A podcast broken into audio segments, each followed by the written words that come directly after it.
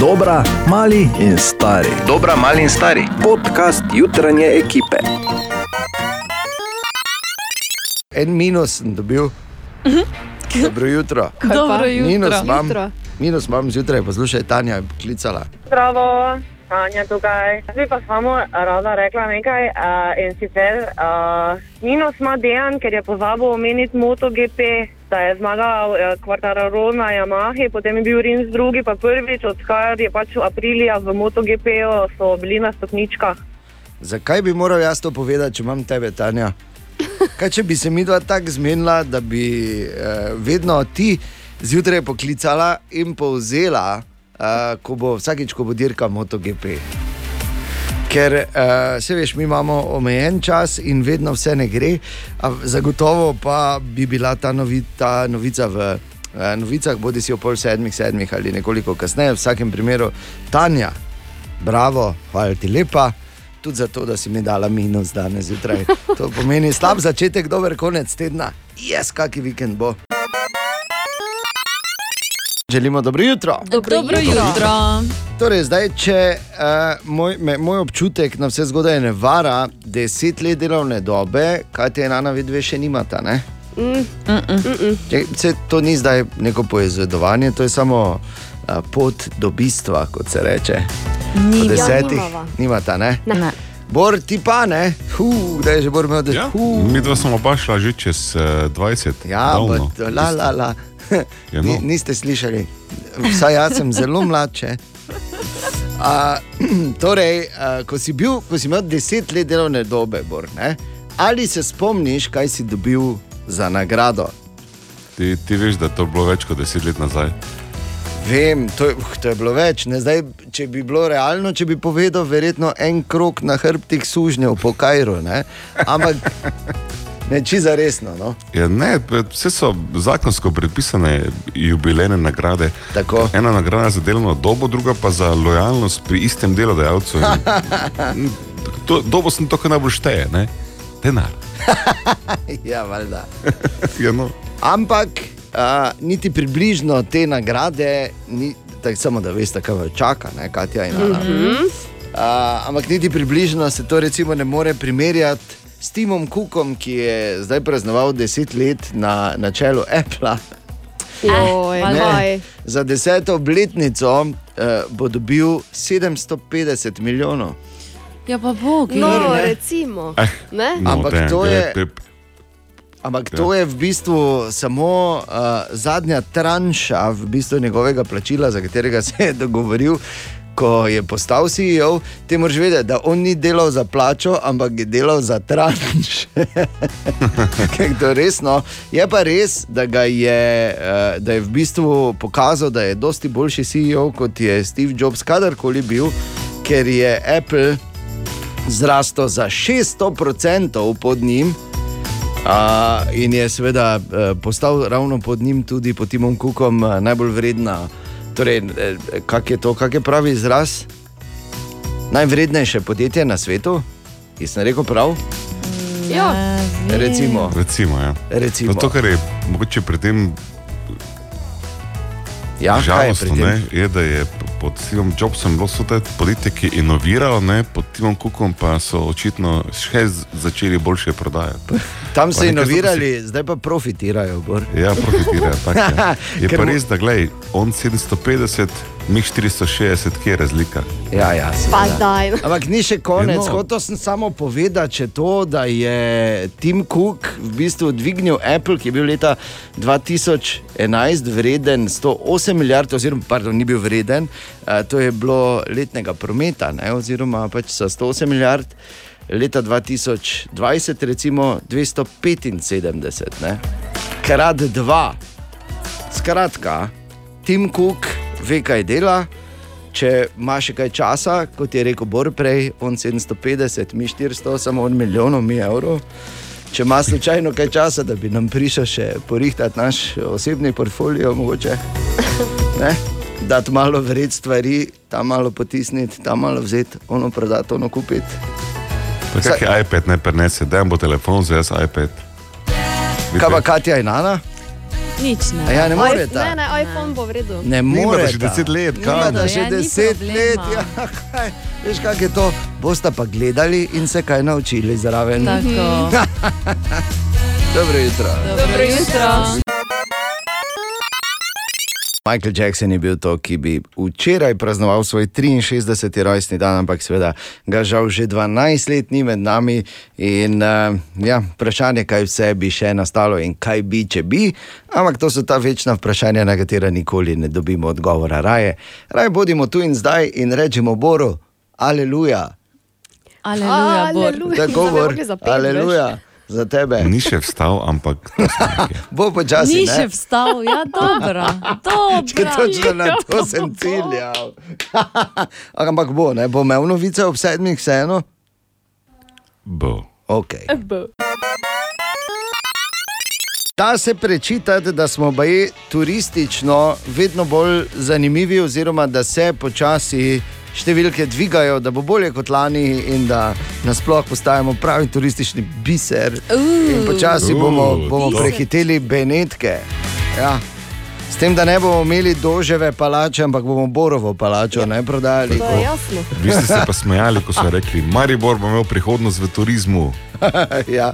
no, ampak dejansko so uh, zadeve boljše, in čez vikend je, uh, je David bil na eni posebni misiji, namreč najti turiste v našem mestu in se malo pomeniti z njimi. David, dobro jutro. Dobro jutro. Vidite, Ja, ne? zdravo. jutro. Torej, Ja, tako, v bistvu sva z našo redaktorico Niko ustavljala ljudi na ulicah našega mesta. Najprej sva ustavila skupino iz Nizozemske, Manuela je govorila o njihovem imenu in oni so v bistvu na Eurotripu, kot se reče, in med drugim so tako obiskali Slovenijo in naše mesto. We make a small round trip and we visit also Slovenia. And today we uh, arrived at uh, Maribor. Uh, we are looking to the buildings and the architecture, and uh, till now we we like it very much. Všeč je predvsem arhitektura v našem mestu, bili pa so tudi pri hiši uh, Stare Trte, vendar je bila včeraj žal zaprta, tako da so danes Uh, prespali we go in bodo šli pogledat, na to pa gredo proti. Dunaju.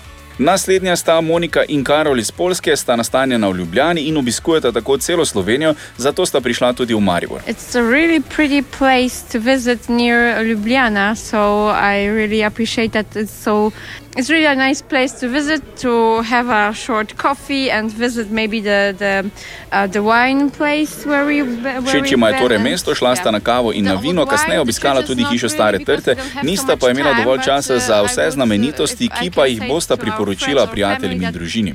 Jaroslav iz Češke pa je prišel na bokserski We turnir. are boxing yesterday. We have a free day because we are living uh, at tonight. Povedal je, da ima samo eno popoldne prosto, na to pa gredo naprej, je pa pohvalil restauracije in predvsem no, pohvalil because naš sladoled. have- You have a very nice ice cream here. Martin iz Nemčije se je starši ustavil na poti nazaj iz Hrvaške. And we make a stop here for one day. We wanted to uh, to walk to the on the hill. I don't know where it was called. The pyramid. Yes. Bili so torej na piramidi, mesto mu je všeč, pohvalil je predvsem kavo in pretty- palent. Pretty nice. Potem pa je naša redaktorica Nika ujela tudi dva turista iz Ljubljane.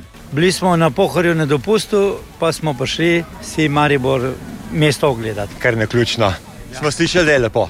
Kje pa je Ezelek? Prosim? Ezelek, ki je gostilna. A Ezlek, a ni to to, Astorija? A To je je, Ezlek, a ja. to je to Ezlek. Pa smo tu, no pa smo prišli na cilj.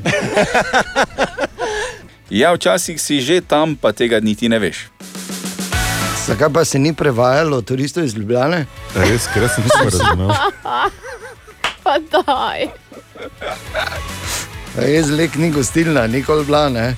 Ampak zanimivo, zanimive so, veš, da so prišli po, po sledi teh uh, urbanih legend, pravzaprav izpred nekaj desetletij iz našega mesta, kar je seveda več kot pohvalno. Škoda je edino, da, uh, da ste, ste seveda tako David uh, kot Nika, naša redaktorica, tako mlajša, ne, da o Jezleku težko povesta, če pa bi Bora našli. Ne. Uf. Te pa, Ti se- ti ezlek, se pa šališ, ampak korso. turist na baše v mene, veš, običajno še en dan ostanejo. Ker Ja. tako trujeni, da morajo prespati. Ja, pa ti si za enih 120 bogatejši. Ne? Še enkrat dobro jutro. Dobro jutro. Um, še ena od zgodb, ki so vse presenetljivo, z mojega zornega kota, še imele nekaj pulfra čez vikend. Oziroma, da so se ja, smodnika, da je še bilo malo vetra v teh krilih, ne? Okej. da je bilo še malo rame na tem kruhu, razumeš? Ja, ja, zdaj ja. Ne, da je bilo še malo pecilnega na Če tem mravlji. razumem, dobro, no. Okay. Pecilni na mravlji. Se, tak se, tak, tak se braniš ne, pred mravljami, tudi lahko, ne, s pecilnim. baje. No, kakorkoli, e, ta, ena od teh zgodb je bila pa to, da je Kristijano šel nazaj v Manchester United. ne. Mhm. Te, temu se nisi mogel izogniti, to je bilo, kaj pa Kristijano, kaj pa Kristijano. Se mi zdi, da je celo bolj, to bolj, ker je bilo bolj presenetljivo no, kot ta zgodba o Mesiju in eh, Paris Saint-Germainu, čeprav je seveda tudi bila izjemno odmevna. Včeraj je prvič nastopil, samo povem. To se to nobenega ne zanima. No, povem. Ko hodi iz klopi not v Franciji. tako Da. Ampak ne, kar ho... ne, seveda, jasno, Ana. to je samo interni hec. Uh, navdušen sem, jaz, jaz sem, jaz sem solze sreče, sem res. Vidim. No, skratka, Kristijano gre v Manchester United, ampak eh, zakaj so ga v bistvu tam tudi vzeli nazaj? Eno samo dejstvo, ker je vseeno malo starejši nogometaž, čeprav v izjemni formi in izjemen v vseh pogledih. Ja. Ampak pazi, ko je on šel uh, iz Reala k Juventusu, so v enem dnevu, pazi, v 24 urah, potem ko je pričal, prodali več kot 520 tisoč njegovih dresov, kar se prevede, to je bilo leta 2018, v 62 milijonov in pol. V 24 urah so toliko zaslužili, ko je Kristijano prišel. No, ker pa je Manchester United malo bolj resen klub, ne? pa se menimo mi o delnicah. Ja. In kako so rekli, da uh, Kristijano pride, kako so objavili, so delnice najprej skočile za 6, na to pa za 10 odstotkov. In zakaj mi noben ni povedal, da bi jaz neko delnico kupila tam? Ja, pa res, zakaj nam ni Ja, povedal, da bi mi, mislim. mi kupovali, ko imamo, da bi lahko kupili, ne bolj. Ko res imamo za delnice, ker To je tako bolj nabora, računamo. Ne bi nekaj, ne, ampak eh, tako je bilo tudi, ko je Bor prišel na radio pred leti. Tudi vse je tako skočilo, pa Ful so majice začeli samo vrteti. povedati, ne, da, da eh, ob vseh teh šalah, ki imamo na račun mojega enormnega premoženja, da ne bo kjer res drpa, bo britko razočaran. Ne, tako da v hladilniku je vedno No, no, no, sendvič. no, no, no, saj Vedno veš. pač povem, da ne bo. V da ne bo hladilniku je vedno za pa ja, sendvič. da piše domov, pa se bo joko, ker bo, veš kaj mislim. Gor to je zdaj tako. To morate vedeti, to je samo manever, zato ker Ja, ja, so to trije mladi amišičasti Turki, ki branijo Borovo bokatijo, malo zdolgočaseni. Pa si Bor zdaj jih vabi not, da bi puvece lahko malo potelovadili. Ok, dobro. In nikar ne hodite v klet, tam jih je pa 20, ki stražijo Da, O, Tine! Ja, dobro jutro, Tine. Dobro, Ja, dobro jutro. jutro, Tine. Dobro jutro, Tine. Zdravo. Ja, okay. Ta veriga pozdravljanja je absolutno predolga, sicer zanimiva, ampak Ja, to je, vedno se spomnim Človek na... pride, pa, pa ga pozdravimo. Kaj ga bo je. če, piše pa, vi bi si tiho. vzamem nazaj, vse je predolgo. To me spomni na oni film, veš. Doktor, doktor, Ja. doktor, Doktor, doktor, doktor, doktor, Eh, doktor, doktor, hello, doktor, doktor, oh, doktor, doktor, hello, doktor, doktor. Mene pa je zdaj spomnilo na legendarno, tisto legendarno debato iz uh, spomniš filma eh, Ali je pilot letalo, Ja, ko se meni ta Leslie Nielsen pa pilot, ne, vpraša. Ker on je bil tam tudi doktor, ne? Ja. Vpraša pilota, ko je kao panika, uh, kdaj bi lahko pristali, ne? Reče pilot. Ne morem reči, ne pa rečem lahko, ker sem zdravnik.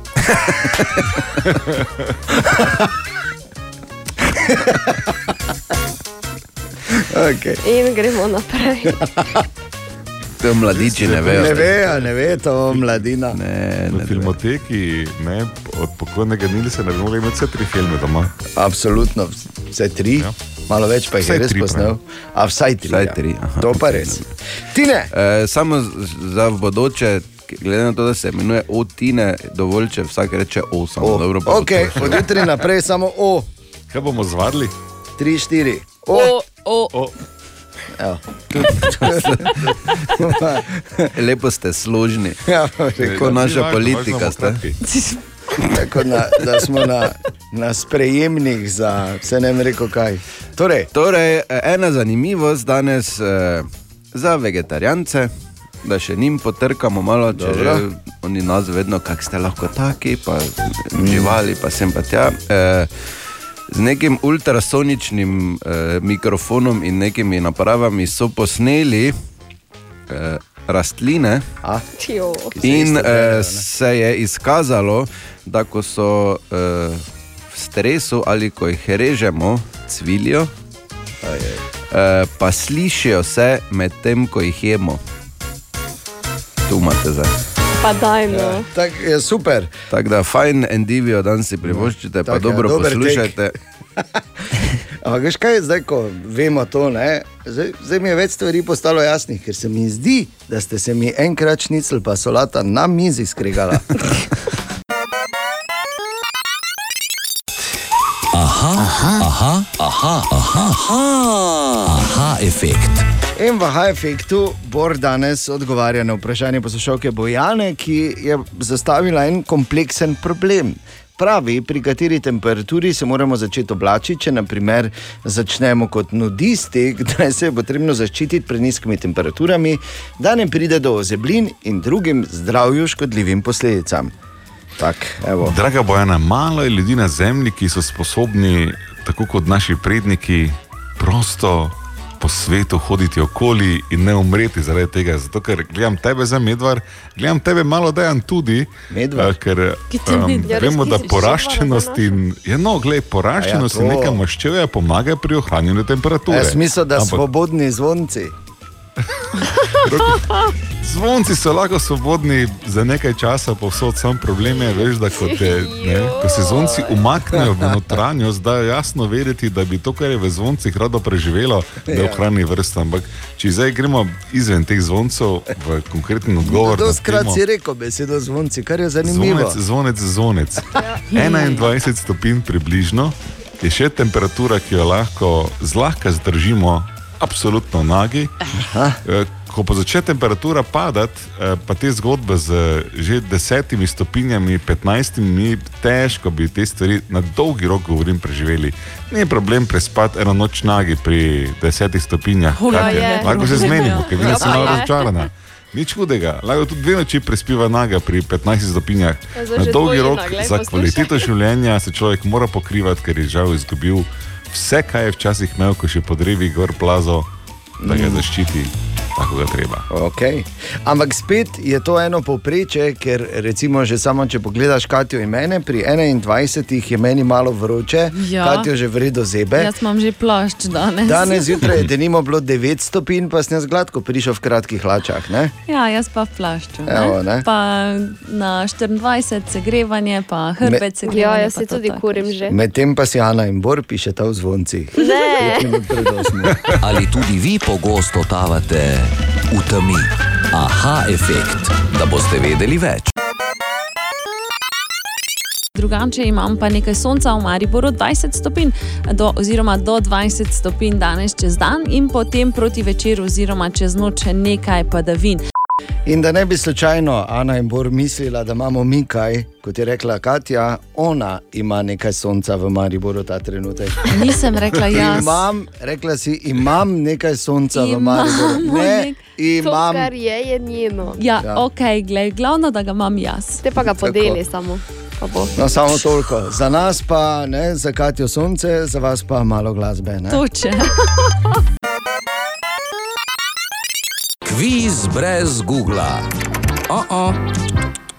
Danes pa z mano spet dva gospoda in sicer Aleks, Aleks in Miha. Aleks in Miha. Gremo torej zaslužiti malo. Bomo provali. Rekli, ne? Okay. Za 10 evrov najlažje vprašanje je, kaj v računalništvu pomeni PC. Osebni računalnik. Oziroma personal computer. Prav, že imate 10 evrov. Lično. Gremo malo teže, za 20, v kateri nogometni klub je prestopil Lionel Messi zdaj? PSG. PSG, tako, Paris Saint-Germain, že imate 20 evrov. Za 30, katera osnovna šola se nahaja na Zrkovski cesti v Mariboru? Na Zrkovski cesti. Ja. Nimam pojma, niti kje je. Ne bi vedel. Ne bi vedela? Še Mariborčani bi mogli malo Ja, vas razmisliti. Ja. Vidva sta malo vun, ne? Ja. ja. Ne bi vedel. Ne bi šlo? Ne. Zaključimo. Ja. Zaključimo. 20 evrov vajni, čestitke, to je pa osnovna šola Toneta Čufara. Ne, ne bi vedel. Ne. Lepo bo ta, no, hvala vam za igro. Adijo. Adijo. In še najtežje vprašanje, kako se je neuradno imenovala Nemška republika, ki je nastala po prvi svetovni vojni? Hm? Vajmarska, Vajmarska, v, v, v, v, v. To je pa bila Vajmarska republika. No, okay, daj mi denar, prenesi že enkrat, da rešimo. To me ne preseneča, kaj je to nesigurnostjo danes. Ne vem, ne vem zakaj mi vuhred. Nekaj, nekaj je krivo, nekaj je krivo. Kviz brez Google. Oh -oh. Želimo dobro jutro. Dobro Dobro jutro. jutro. Bor, kdaj boš nesel nazaj tega ruševca, pa rakuna, daj no prosim te. Samo tarče so za loko strelce. Kaj Ležeča ti, no, srna. Ležeča. Ja, seveda. Rdeča srna je vredna 25. Želimo dobro jutro. Dobro jutro. Torej, mi se prebujamo v to, kar se pač prebujamo danes, tako zgodaj, kot se pač prebujamo. Namesto da bi zdaj bila ura, ne vem, pol deset zvečer in bi bili romantični obsceni v Parizu. Naprimer. Namesto da tu zdaj zgodaj zjutraj gledamo ostale, kako ne znajo voziti, ne? Sploh v Rondoju, ne na Samo zgodaj. kaj pa se je danes zjutraj na cestah dogajalo, res? No, evo. Namesto da bi mi lepo v Parizu, ne, vi, vi, vi. Uj, uj, uj, Ja. la baget. Tako, la baguette, kafe oli, šampan. In pa da bi se lagali, ne? se veš, tako pač vse. ne. Ja, zakaj? Tako pač je. Okay. To so te življenjske resnice, mi pa smo, kjer smo. In, ampak zakaj govorimo o francoski prestolnici, o Parizu, o mestu imenovanem Paris, ki velja za enega najbolj romantičnih na celem svetu? Se strinjamo? Lepo mesto, jaz sem bil tam. Oui, oui. Že dolgo časa nazaj. Ja, res je. Bomo prišli do tja, brez skrbi, počakaj. Ko si ti bil tam. Ampak zakaj govorim na mesto? Veš, včasih je bilo tudi tako, je veljalo oh, v Parizu, vse je vse lepo, pa prav, pa krasno, pa romantično, pa Eiffelov stolp, pa Louvre, pa pariška moda.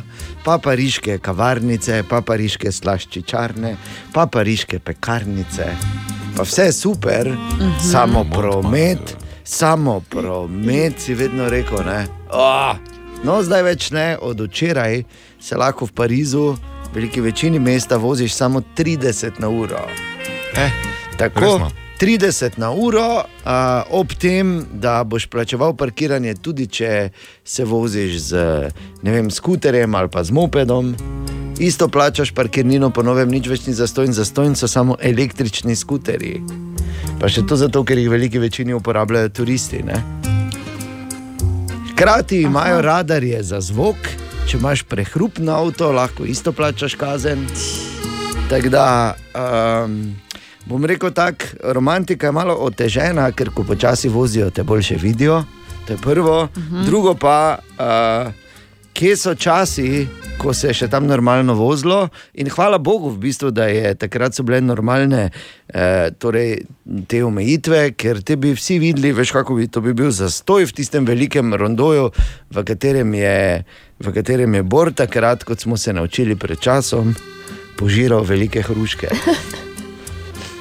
Se ne spomniš? Naj spomnim. To, ampak je vpadnica bila. No. Dobro, kaj je Bor rekel? Jaz sem bil z avtom v Parizu, z kliatom sem se pelal Eh. po tisti 11 pasovnici in požiral velike hruške, mislim, knedle. Ne?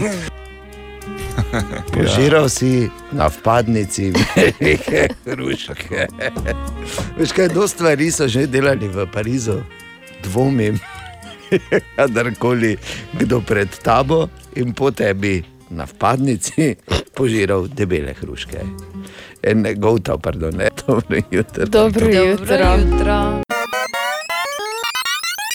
Web, web, web, web check. Torej, kaj pišejo, kaj objavljajo, kaj repostajo, kaj postajo, kaj šerajo, kaj hashtagajo. Katja. Za nekatere bi zagotovo bilo boljše, da ne bi nič od tega. Eden od teh je zagotovo Kanye West, ki se trenutno enostavno ne neha pojavljati v medijih, od tega, da si je najprej želel spremeniti ime. Ja. Ne, oziroma, še čaka na odobritev. Eh, Potem eh, do te uradnega, eh, uradnega poslušanja njegovega albuma, kjer so bili gostje, ki niso trenutno najboljše zapisani v medijih, recimo Marilyn Manson. Aha. Potem do tega, da je končno izdal album Donda, ki bi ga moral izdati že v bistvu lani. Ja. No, sedaj pa se na svojih družbenih omrežjih pritožuje čez svojo založbo, kajti ta album Donda naj bi objavili brez njegovega dovoljenja. Jo, da nehaj že enkrat, prosim. Da. Pazi. Uh, prav tako naj bi iz albuma izbrisali pesem, pri kateri sta sodelovala Marilyn Manson in The Baby, Aha. ki trenutno pač nista. Sta, ja, imata obtožbe in. Ja. to kar hude. Ja, en in drugi.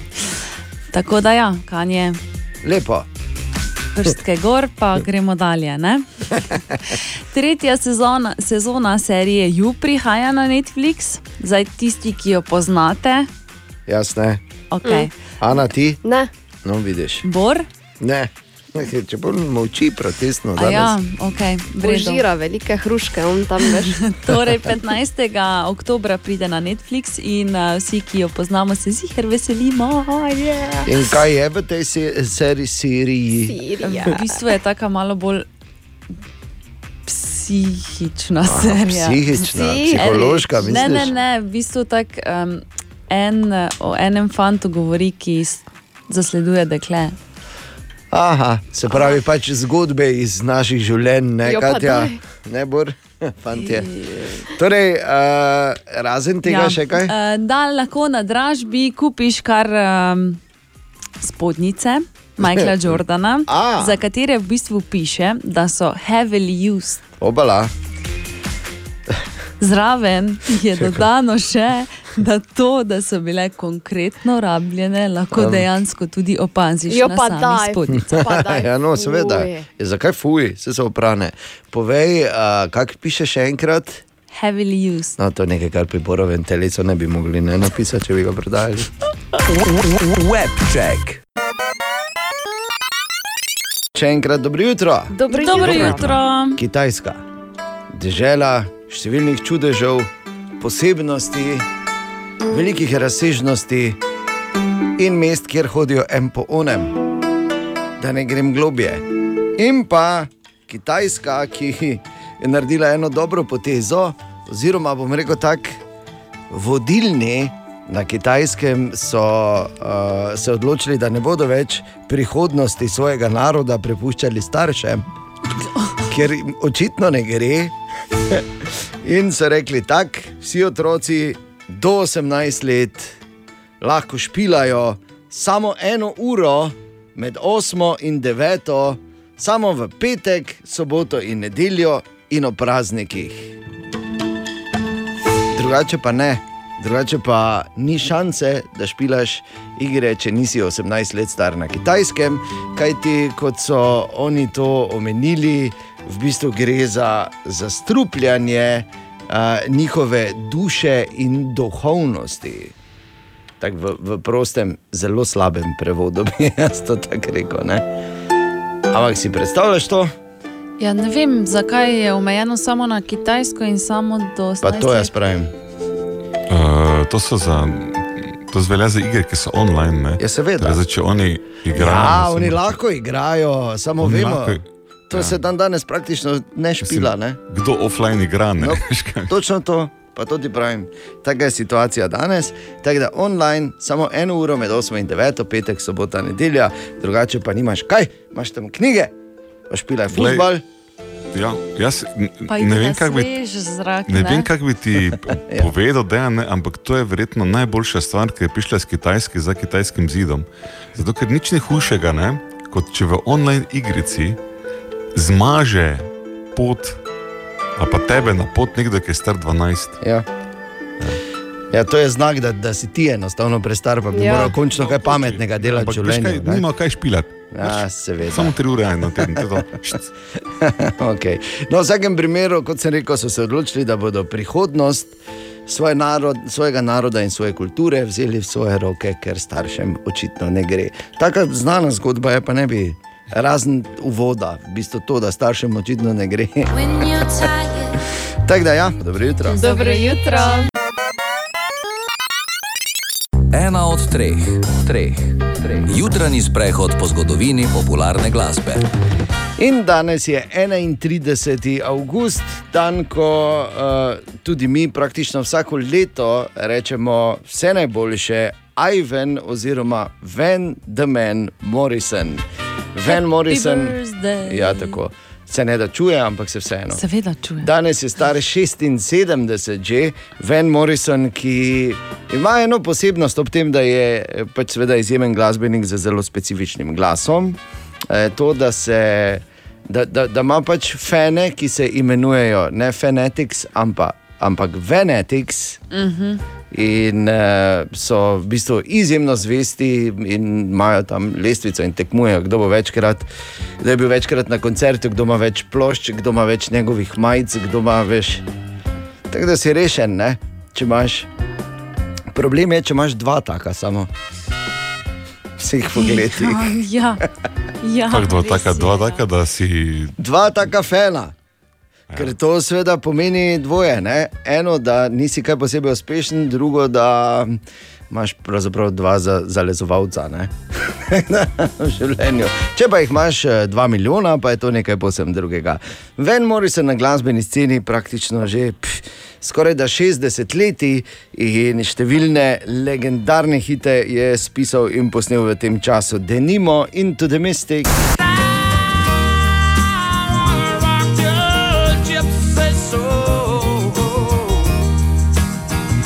Just like way back in the days of old. How magnificently we will fold. Ali pa skupaj s Krisom Barberjem, eno, ki je bila ukradena pred desetletji tudi v Sloveniji. Irene,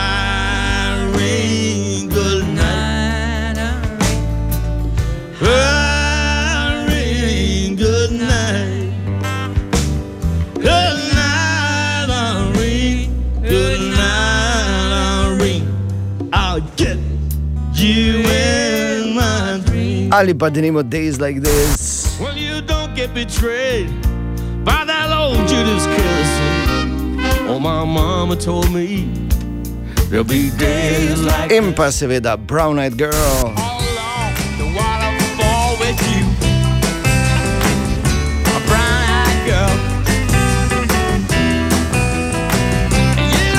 Če naštejemo samo nekatere. Skratka, Van Morrison je danes star 76. Vse najboljše še enkrat in eh, v njegovem rojstnem dnevu tudi danes, zjutraj kot vsako leto. Brown Eyed Girl, takoj po oglasih. Želimo dobro jutro. Dobro jutro. Veš, ko je zadnji dan počitnic, zadnji dan nekega meseca, običajno človek malo tako uh, poreflektira, ne? malo pogleda nazaj, si malo zloži stvari, ki jih pač mora narediti ali želi videti, slišati, doživeti za naprej. Se strinjamo? Mhm. Ja. Mislim, pametno je, če to narediš, je Ja. tako. Bor, ne? In tako jaz, recimo, na ta 31. august 2021 pač gledam naprej in si eh, želim, ali pa ne, ne želim, kot smisel, to se ne bo zgodilo, to je v bistvu fiks. Da bo ta moment, in ga komaj čakam, ko bomo skupaj stali v eni srednji veliki dvorani in bo Bor eh, pač stal nad nami, bo v središču pozornosti in mi bomo vsi kričali. Ikra hura za novega župana! Hura! Hura! Hura! Ne, to je lepo. Kaj, Če to pridem pa- fram, se bo to zgodilo. Še čisto malo, pa bo spet slišati živ žal. Sicer uh, bo živ žal po modelu B, kot smo se naučili, samo hvala Bogu, da bo. Ne? Hvala Bogu, da bo. Ja. Ja, pri nas smo pač imeli model A, če pridemo vsi, pa smo 4-4 za futbal, model B je, če en manjka, ne, model C, pa tako dalje. Dan danes je to malo drugače, časi se spreminjajo, ampak eh, je pa eno dejstvo, o katerem, ker zdaj se vse vrti okoli šole in eh, novega šolskega leta in vseh teh stvari. Nihče pa se ne ukvarja s starši, kar se mi zdi, seveda, pod vsako kritiko. To je namreč na eni strani, koliko je to žalosten dan za šolarke in šolarje, je to prav diametralno nasprotno, to. relativno srečen dan za starše. To misliš, Oh, okay? konec počitnic. Oh, ne rabim več toliko razmišljati, zdaj se začne obveznosti, hvala Bogu. Z veseljem bom posod vozila, ne? tudi popoldne. Do prvega tedna, oziroma Ja, Dobro, meseca. no, ampak zdaj govorimo o občutkih, ki so tu nas ta trenutek prebivajo. Okay. Ampak ali je res tako? Smo šli preveriti na ulice našega mesta, poiskali starše in jih vprašali, ali so veseli, da je konec počitnic. Zelo sem vesela, da je konec počitnic, pa da grejo končno v šolo in srčno upam, da bodo v šoli tudi ostali. Ja. Ko mi čakam, tam ostanejo celo leto. Za njih ni fajn, meni je pa pač mora biti. Prehitro je minilo, meni je pa fajn, če tudi imajo oni malo počitka. Sploh pa zdaj v teh časih je bilo fajn, da so bili malo doma vmes. Ja, mi skoraj ne moremo verjeti, ker je naš otrok pač prvi šolček. Smo zelo veseli, no, da gre v šolo, da so počitnice eh, proti koncu. Bomo pa pogrešali vrtec, definitivno, no, in počitnice brezkrno in vse. Pač stresno je samo to nabaviti vse skupaj. No. Te zadeve za šolo, pa predvsem to, da se ne ve, kako in kaj bo. Uh, ali bodo ostali v šoli, ali bomo spet imeli šolanje nadaljavo. To je tisto, kar je stresno. Ja, veseli smo, seveda smo veseli, da nam Lukinja gre prva. Edina je, ne? njo imamo samo smo veseli, seveda, da gre zdaj z prvi razred, da bo potekalo vse ok, seveda se veselimo, absolutno. Pa kaj tukaj tudi pogrešanja, vnukice, barvanja, pa vsega tega? Ja, tako, varvanje, no, ampak drugače. Bomo še pa zdaj tudi večkrat mogli zaradi počitnic, še bomo večkrat mogli čuvati. Veselje za starše, zelo smo srečni. Upamo, da ne bo zaprto spet, saj da bo lahko lepo hodili v šolo. Z torbami se družili, bili v šoli normalno, tako je potekalo vse pred dvema letoma. Ne? Tako. To je ta osnovna in eh, največja želja, pa da bi seveda bili vsi zdravi, pa da, hvala Bogu, ne bo počitnic spet ne tako hitro. 12 minut čez. Samo na vse so kar hitro, ne? Ja, vse so kar. Ampak dobro, en teden. Ja, če se čuva, da ima obveznosti med počitnicami, ja. to je Ja. drugo, ne, ko gre v šolo. Okay. Tako. Ampak en teden počitnic, kaj je to, moram samo vedeti. To, to ni nobena težava. En teden z levo roko, dva meseca. Hm. Boš videla, če boš morala kdaj biti dva meseca kreativna. Ja, to te, teh 7-8 minut, kaj treba zdaj, je čist drugače. Jaz priznam, da mi je že zdaj težko poslušati samo No, to. tako. Ampak v vsakem primeru upam, da so bile počitnice super, tako za starše kot za otroke. Jutri pa torej gre dalje in za res. Še enkrat dobro jutro. Dobro jutro. Okay, zdaj pa eno vprašanje, Katja. Ja. Hiter odgovor, prosim. Okay. Če bi morala izpostaviti eno stvar iz uh, naslova oziroma področja moda jesen 2021, kaj bi Ja. to bilo? Ja, popolnoma se vračajo 90-ta in z njimi te prevelike potiskane hlače. Bo. ok. Ja. Kdaj smo imeli prevelike potiskanje hlače? Ja, pa ne prav Vi ne, prevelike, bolj. Ker si ampak leder ta nosil. boyfriend style. No. Boyfriend style. Ja. Aha. Ne veste, kaj so boyfriendke? Seveda, da ne. Jaz vem, Katja. Kako vprašanje te to Ampak je. morajo biti potiskane z vzorčki, ne? rožicami, lahko ne vem, liki, pač karkoli, Liki. samo da je čim bolj potiskano in čim bolj pisano. Resno? Ja. Te pa niso to bolj 70 bila? A ja, ne, ker 70 so bile trapezarce. Ja, ne? pa to niso preveč oprijeto. Ne, ja, vem, kaj je boyfriend. Oversize ne, varianta. bo- boyfriend jeans je, ko ti, ko, ti, ko ti vzame tvoje kavbojke, pa ji naredi luknjo na kolenu. Ne.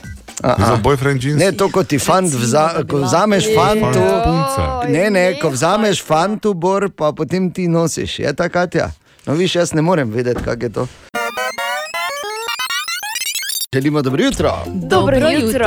Okay, zdaj pa eno vprašanje, pazi to. dobro premisli, se ni, ni zdaj, veš, nič ni odločilnega, pa ja. tudi Ja. nič težkega. Ja, ja. Okej. Ampak ali eh, je že kdo od vas, verjetno je kdo od vas, kdaj bil ne vem, na obisku pri kom, ki ima psa, uh -huh. ali pa imaš psa, pa pride nekdo, ali si prišel ti do psa, ali prišla ti do psa, ali je nekdo prišel do tvojega psa in, in ga je pes, samo tako veš malo, malo nekaj tako povoho, pol pa, pol pa se odloči, da ga bo vrgel na ignor. Ali jo vrgel na ignor. Se je to komu kdaj že zgodilo? Samo malo pridemo dalje. Jaz imam s pensi Seveda imaš. ohoho ne? Tako. pa mačkami, pa papigami, pa ostalimi živalmi. Da, če je lastnik tako, ga pes ignorira, te samo slab vzgojen. Ja. Če ni lastnik, te pa dobro vzgojen. Naj samo povem, da ta stavek, je, ki si ga povedal, jaz imam ogromno izkušenj, ja. pa si našteval živali, čisto kaj ja. je to, ko rečeš ti. Ne? Če bi to pred leti rekel en uh, na B, bi bila pa velika težava. Ne? Ok, torej. Uh, O primku govorim. Ja, no, gledaj, tako pa če. Ne, ampak če za res, pazi, zgodba, če se ti to zgodi, naj bi bila, zdaj so dognali, da psi so sposobni zaznati oziroma zavohati lažnivca in ga potem ponavadi ignorirajo. Tako da- Kak te pes videl? Ja, tako da, če se, ti je, ja, če se ti je to kdaj zgodilo, pes te je skužil. ne. Tako da bom jaz tudi zdaj dosti bolj pazil, kaj se dogaja. Ne? Pa to, da pre, pregovoru lažeš, ko pes teče, čisto novo razsežnost. ne. Ker teče stran V hitro. bistvu lažeš, tako kot te pes ignorira, bi moglo biti. Ja, res. Katja, Ana, Borin, Dejan, želimo dobro jutro. Dobro jutro. Če? Kako vreme, točno je zelena paprika. Ne, če pa gremo kar neke besede, igro. Ena druga stvar je, Bor, mi trije z uh, Katjo in Ano smo se začeli nekaj spraševati, zdaj ko smo te novice uh, poslušali. In sicer, kaj za vraga je bilo to? v drugi polovici tedna. Visoki zunanji politični. Kaj so talibani tu slučajno že? Zakaj? Kaj si kaucno, kaj te delaš? Res. Te je zgrabilo? Zdaj, predmet debate, da se mi je malo Štesnilo. Pa da vidimo, ali smo se včeraj kaj naučili. O, Tine!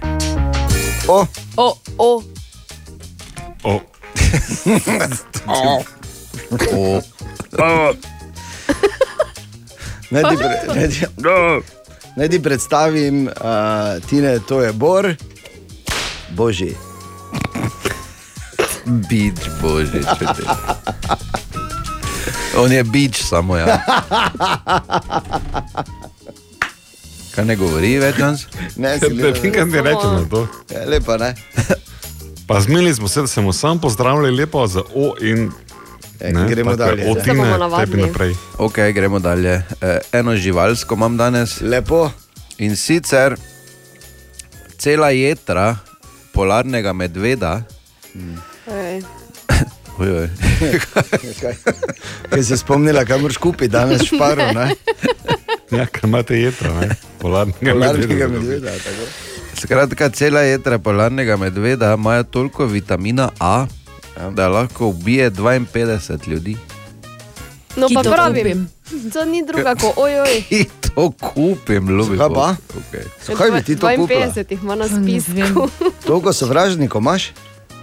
Spol je mogoče problem v tebi, veš? Ne, ni to, da imam jaz sovražnika. En ali dva Mene sovražnika, ziher Ne bi ajde. noben, ne. Ubil. Katja, včasih me s temi izjavi, do, izjavami do ježeka me razkoriš res, da ne morem drugače reči. Aha, aha, aha, aha, aha, aha, aha efekt. Torej, Bor odgovarja na vprašanje Klare, ki jo zanima, zakaj se nekatere živali pretvarjajo, da so mrtve, jih ta obrambni mehanizem ne naredi za še večji plen za napadalca. Pa v bistvu ne, zato ker eh, nobeno če je stare hrane. Ne? To je zelo prosta logika. Kak kdo, veš, mrhovinar ima tudi funkcijo v Ja, ja, ampak ekosistemu. Pač večinoma ne, je ta reakcija ni nekaj zavestnega. To je druga zgodba, kot recimo, če ro- lopo vdre v hišo tej po noči, pa ti obstaneš, da on ne vidi, da si ti tukaj, ga pa lopneš z loparom ali ne, nekaj pač ne. To je zdaj, ja, um, pri živalih je ta reakcija pravzaprav um, skoraj pogojni refleks. Zanimivi so primeri, recimo, ker ameriški oposum da jezik ven iz ust, ki jih fejst odpre, zraven sprazni svoje črevesje in tudi izloči vse te kočine, ki izjemno slabo dišijo, da bi prepričal svojega uh, ne, Napadalca. Ja, ki hoče pojesti, da je njegov Da rok ni že potekel davno. ja, ne. ja. Jogurt z poteklim datumom. Še bolj zanimiv pa je en pajek, tukaj sem ga našel, um, ki ima pa to foro, da se mm, na kepico hrane se gor ne prilepi in potem se dela mrtvega na kepici hrane. In potem, ko pajku kaj pride in začne glodati hrano, ne, pa on oživi in jo od zadaj napade, če me razumeš. Pa to nima veze. z- Glej, isti princip je, on se dela mrtvega. Ne? Sam pač ne, ja. da bi ga predator ne pojedel, ampak da bi on lepo. Ja. Naj povem, to je uh, koncept, ki v človeškem svetu ne deluje, to s tem pajkom. Na poštni verjetno testiran že tisočkrat. Narediš dober zrezek, pa se poleg pa se pod mizo vležeš. Ampak bi sam. Čakaš. Čakaš. In ko ne pazi, ne, ker vemo, da ko, ve, ko je sama in je zrezek na mizi, običajno se konzumira to brez nekih spon v obliki oblek. Ne? Ja, In se verjetno bolj je naga izkoristi. Ja, res je, in to je ta zgodba. ja. Sta se Midva sta? Ne, pač, neverjetna, to so vse te zgodbe, ki sta še morda vedve malo premladi, ampak enkrat boste razumeli. Ko boste steak jedli, kot vam narekuje tisti globoki bit. Če jemo gremo steak. dalje. Ja, ja, ja. Ali tudi vi pogosto totavate v temi? Aha, efekt, da boste vedeli več. Še ena nogometna je, mimo katere ne moreš in zaradi katere bodo danes mnogi čakali kot panterji. Danes je 31. august. Zakaj je to pomemben dan v futbalu? Ne- Naj samo povem, da Ana, so ti moja, povej. moja pričakovanja Eh, dobi. po točnem odgovoru so zelo nizka zdaj. Ne? Ne, Bor, jaz tebi prepuščam. Danes je- Glej, glej, kje se prepirata dva, Katja? Čri, čri. čiri, čiri, ja. Torej, danes se zaključuje prestopni, poletni prestopni rok. No, pa to. V, ve, Pa seveda, to, vse smo to je. To je očitno, da ne reči. hoče povedati. Ja, seveda. V veliki večini eh, evropskih držav se danes zaključuje, Slovenija ni nobena izjema. Prestopni rok, ki sta ga spet zaznamovala Messi in Ronaldo. Ki ga je zaznamovalo dejstvo, da se je Harry Kane odločil, da ostane pri Tottenhamu, v katerem bo, kot kaže, Kilian Mbappé vseeno ostal pri Paris Saint-Germainu in ne bo prestopil v Real, ki bojda pripravlja še eh, presenečenje v zadnjem trenutku in naj bi pripeljal uh, Halanda.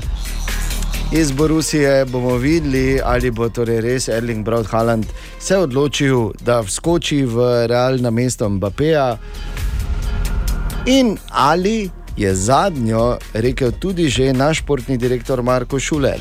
Danes se torej eh, bodo zgodili še zadnji premiki, morda celo kak tektonski, zato je seveda 31. august še posebej zanimiv za vse, ki jih pač zanima nogomet. Naj samo povem, da med tem ob sta začeli obe, eh, Ana in Katja, tako štrckati po telefonu, ja. Bor pa mislim, da gleda neke, li, neke eh, Ne, slikice. jaz absolutno sem s tabo dan, ker sem zdaj zmes brskal podatek, da smo v zadnjem desetletju, torej od 2010 do 2020, za prestop odšteli 41 milijard kumulativno, kar pomeni, da je v poprečju torej 4 milijarde na leto, rekorden znesek 2019 6,2 milijardi, pole pandemija malo vdarila, pa smo šli nazaj na 4,7, ampak jaz mislim, da smo odvigli nad 5. Sokol. Ne, problem je, veš kaj je problem letos. Problem je letos, da mnogi največji zvezdniki, uh, kot so Denimo Ramos, pa Messi in tako dalje, eh, grejo brez odškodnine. Veš. In ja. to, to je recimo to pri kumulativno, pa Donnarumma, recimo ne tudi Vinaldum, to so bili vse nogometaši. Za, Katja, Da zakaj ne me nisi omenjam, da, da ne omenjam te drame. kak je- Zakaj ne bom se s tabo o nogometu Ja, menil, Bor? si ti govoril, Bor je ne, samo Ronaldo. za denar govoril, zato nisem eh, ustavljala. Zakaj, če pa jaz govorim o imenih, to je tako, da bi mu govoril, da je nekaj. Nama že cel čas tako zveni. okay.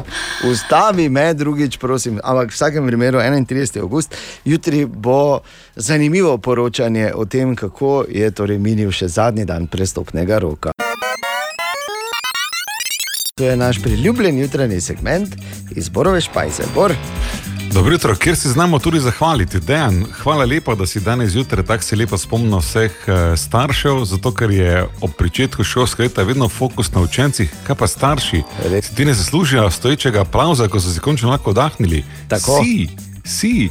Ampak v tem um, zanimivem tednu, v katerem smo, um, milijarde se obračajo v prestopnem roku za dometaše in se danes zaključuje to. Zato bi mogoče v senci tega lahko pozabili na en drugi prestopni rok in to je, ko otroci grejo v vrtec. Teh se noben ne spomni, ne ti zjutraj, ne ti, ko milijarde govorijo. Je pa to izjemno pomembna kategorija ljudi, vsaj lahko povem iz iz lastne izkušnje. To je tako slavje pri nas doma, šampanci se odpirajo, torte se pečejo, Julija se bo začela uvajati vrtec. Uh, vem, da ima Deja nekaj izkušenj okoli tega, pa bom samo vprašal, kako je bilo tvoje Nekaj. uvajanje.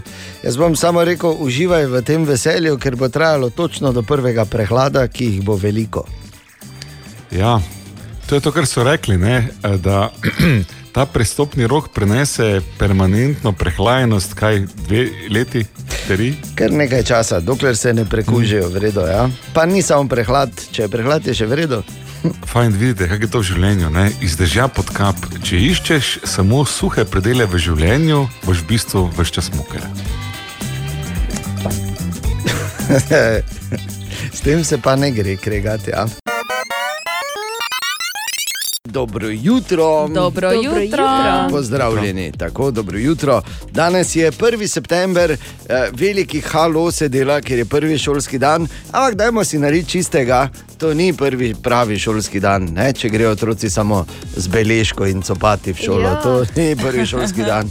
Jaz vem, da se je mene začelo šol, začela šola vsako leto pri prvi matematični kontrolni. Takrat O ja. sem začutil. Tri, mogoče pa vseeno je na nek način danes. Ne? Matematika. Spomnim. No, ampak eh, vso srečo in že zdaj opozarjamo, pozor na cestah, res. Še enkrat dobro jutro. Dobro jutro. 1. september, pravlični dan, vedno znova.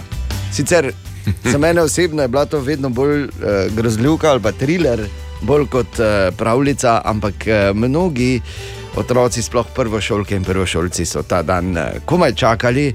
Vem iz prve roke, ker imamo v razširjeni družini eno prvo šolko letos. Ne? In to je Mhm. tako veselje, kaj si ti nor smisel. Če bi ti vedel, kontrolke. kakšne kontrolke v prvem razredu. Razsežnosti, neumnosti, ki, jih zdaj, ki si jih zdaj povedal, boš videl čez 4-5 let. Bor. Ja, mi, mi imamo danes prvo vrčko, rekli? Vrtečkino. Ja, okej. Vrtečkinjo. Okej. Vrtečko. Ampak danes se pogovarjamo bolj o šolarjih in šolarkah, ker je pač prvi šolski dan, vrtec načeloma se hodi tudi poleti, tako da eh, še enkrat več. Če imaš prijatelje tam. Ja, prijatelje. Ampak ni danes samo prvi šolski dan, ampak je tudi, pazi, dan pisanja pisem. Oj, oj. Lepo, ne? Ali se, mislim, ni treba zdaj, uh, samo to je, v bistvu ja, ne, lahko pa elaboriraš, ali se kdo od vas spomni, kdaj je na zadnje napisal kakšno pismo, ampak na, napisal oziroma napisala z roko. Kar tako dvomim, da znata Katja Pana. No, sploh no. še pisati, ne. Mi smo imeli v osnovni šoli te prijatelje, s katerimi Ja. smo se dopisovali. Pen ko- pels, ne? Ja, Tako. ja. Ja. In takrat je to takrat bilo je na bilo to zadnje. na zadnje, ja. Bor? Že ko rečejo te prijatelje, ne? Veš, ko se ne spomni izraza in kako je ura. Ja, ja. Jaz mislim, da sem svoji sestrični na zadnje zapisal nekaj tak na roko za 18. rojstni dan. A. Jaz mislim, da ona je zdaj bolj proti 40. ne. A, ja, res je. Jaz sem imel tudi uh, dve dopisovalki, A. Eno iz Vildona in eno iz Prage. Ali si pa na drugi konec sveta, si si ono. Je pa daleč, veš, to je bilo daleč takrat, to so bila Ti si dejansko 80. bil mednaroden. Ja, to, so, to je bilo v osnovni šoli, da sem si v tujem pisal. pisal, ja? Ja, v angleščini smo si pisali, veš, Bravo. tako. Dear pen pal friend aus Vildon, Ja, how no. is life at your Daj, continent? no, zakaj se pa moraš norca delati za vsako stvar? Ja, no, si pa zelo Vildon. samo- Ja, no pa pač, kaj zdaj? level, ne? Pa to ne moreš verjeti. preračunljiv že takrat, pa si si mislil, on ima tam tvarno plastike, ja. ki bom jaz tu, pa ono. Če... On ima tam tovarno plastiko. Ja, glej, no. ja, to sem vedno, ko sem bil mali, sem mislil, to bo moja karijera, bovdene bom delal. Ne? In ostale stvari iz hoboke, ostale stvari iz plastike. Ne, ampak Ampak dejansko dela granulate, veš. V redu, Vse Bor. Ciklirane. Še to veš. pač, no. znanje ne bo zbrisalo tvoje nesramnosti. Odprej. La, la, la, la. Ne, ampak brez heca, zdaj pa 10 minut, če 6 ure že. Um, Se mi zdi fajn, da se upada prvi šolski dan in dan pisanja pisem, ker sem jaz malo brskal po spominu in se spomnim, da je bilo prav vedno, ko sem na prvi šolski dan prišel, mi je bilo, da bi se vsedel in bi začel. Draga mama, a ta vsi domači, jaz grem. Ne bom hodil več v šolo. Hodo. Iz, hlad, iz hladilnika bom vzel samo najnujnejše. Pohano? Pazite na psa, se vidimo, ko bom 18. Tudi danes zjutraj malo listamo po zanimivih naslovih.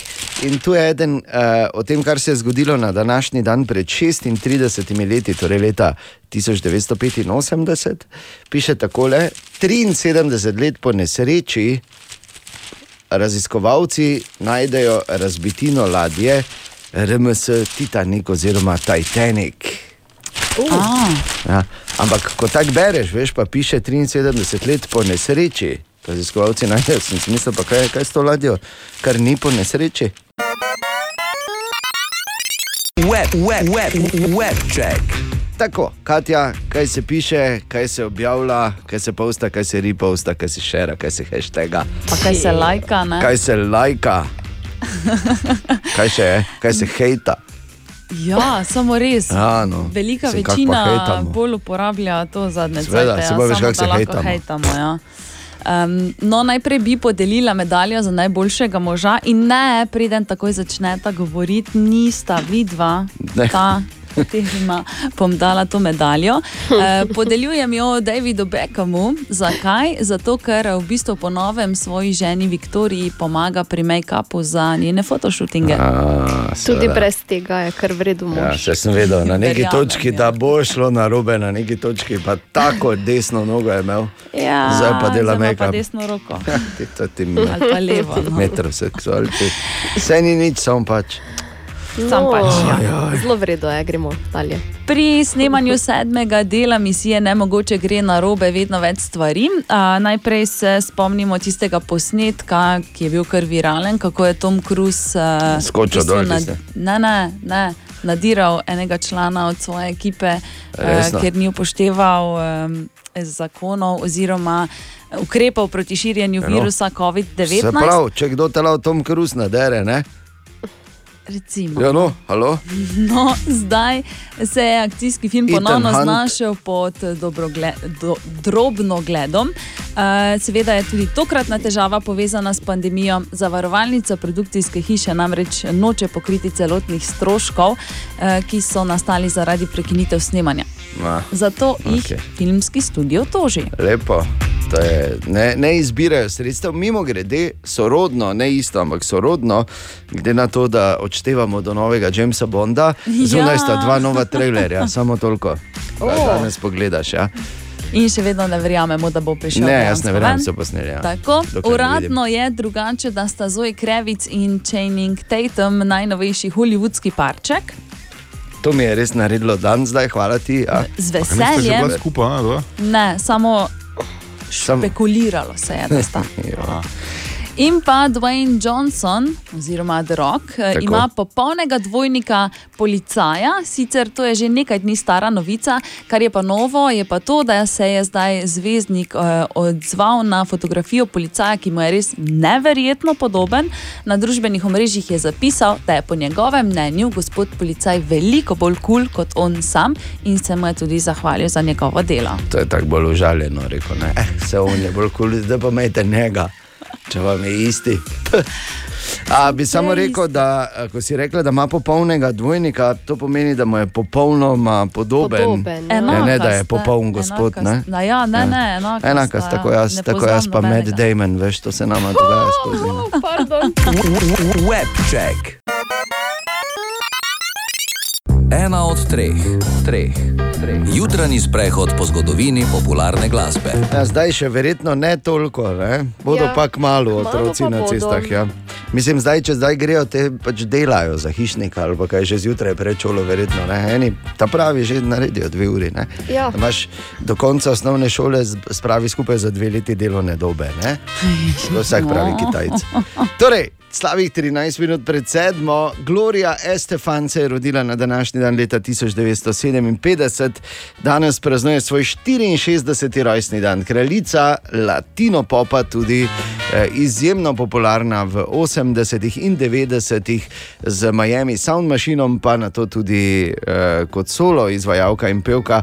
Sicer je to ena od tistih zgodb, ki misliš, da jih je ogromno, ker jih pač kar nekaj poznamo. Veš, rodi se na Kubi, emigrira v Ameriko in je potem absolutno rata. Ampak na vsako tako uspelo zgodbo jih je verjetno milijon takih Ja. neuspešnih in žalostnih. Ja. tako da. Ampak njeno originalno ime je Gloria Maria Milagros Fajardo Garcia de Estefan. To sem čakala, to sem čakala, Ja, tako, veš, da boš prebral. izjemno znanje španskega jezika. Ne? Torej, Gloria je, je res vrhunska pevka in hkrati tudi vrhunska pisateljica. Ne vem, če ste vedeli, eh, mislim, da je napisala dve otroški knjigi, ki sta obe bili uh, na seznamu bestsellerjev uh, torej mnenju bralk in bralcev New York Timesa, ne? To- ki je od, uh, je ena od najmočnejših. Ali pa tistih lestvic, na katerih hočeš biti, če pišeš knjige v Ameriki. Mm Mhm. -hmm. New York Times bestseller. Ja. Okay, ampak eh, predvsem po muziki jo poznamo mi, kot sem dejal, od 80-ih naprej, da nimo z Miami Sound Machine v hitu Dr. Beat.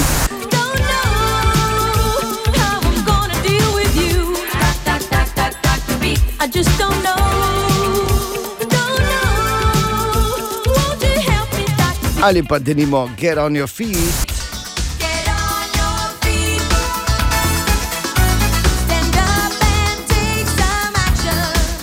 Action. Z SPC je posnela Santo Santo. Santo, santo, yo te canto. Santo de mi devoción. Santo, santo, yo te pido. Conquistar su corazón. Ali pa recimo tudi ta je legendarna z Miami Sound Machine. No,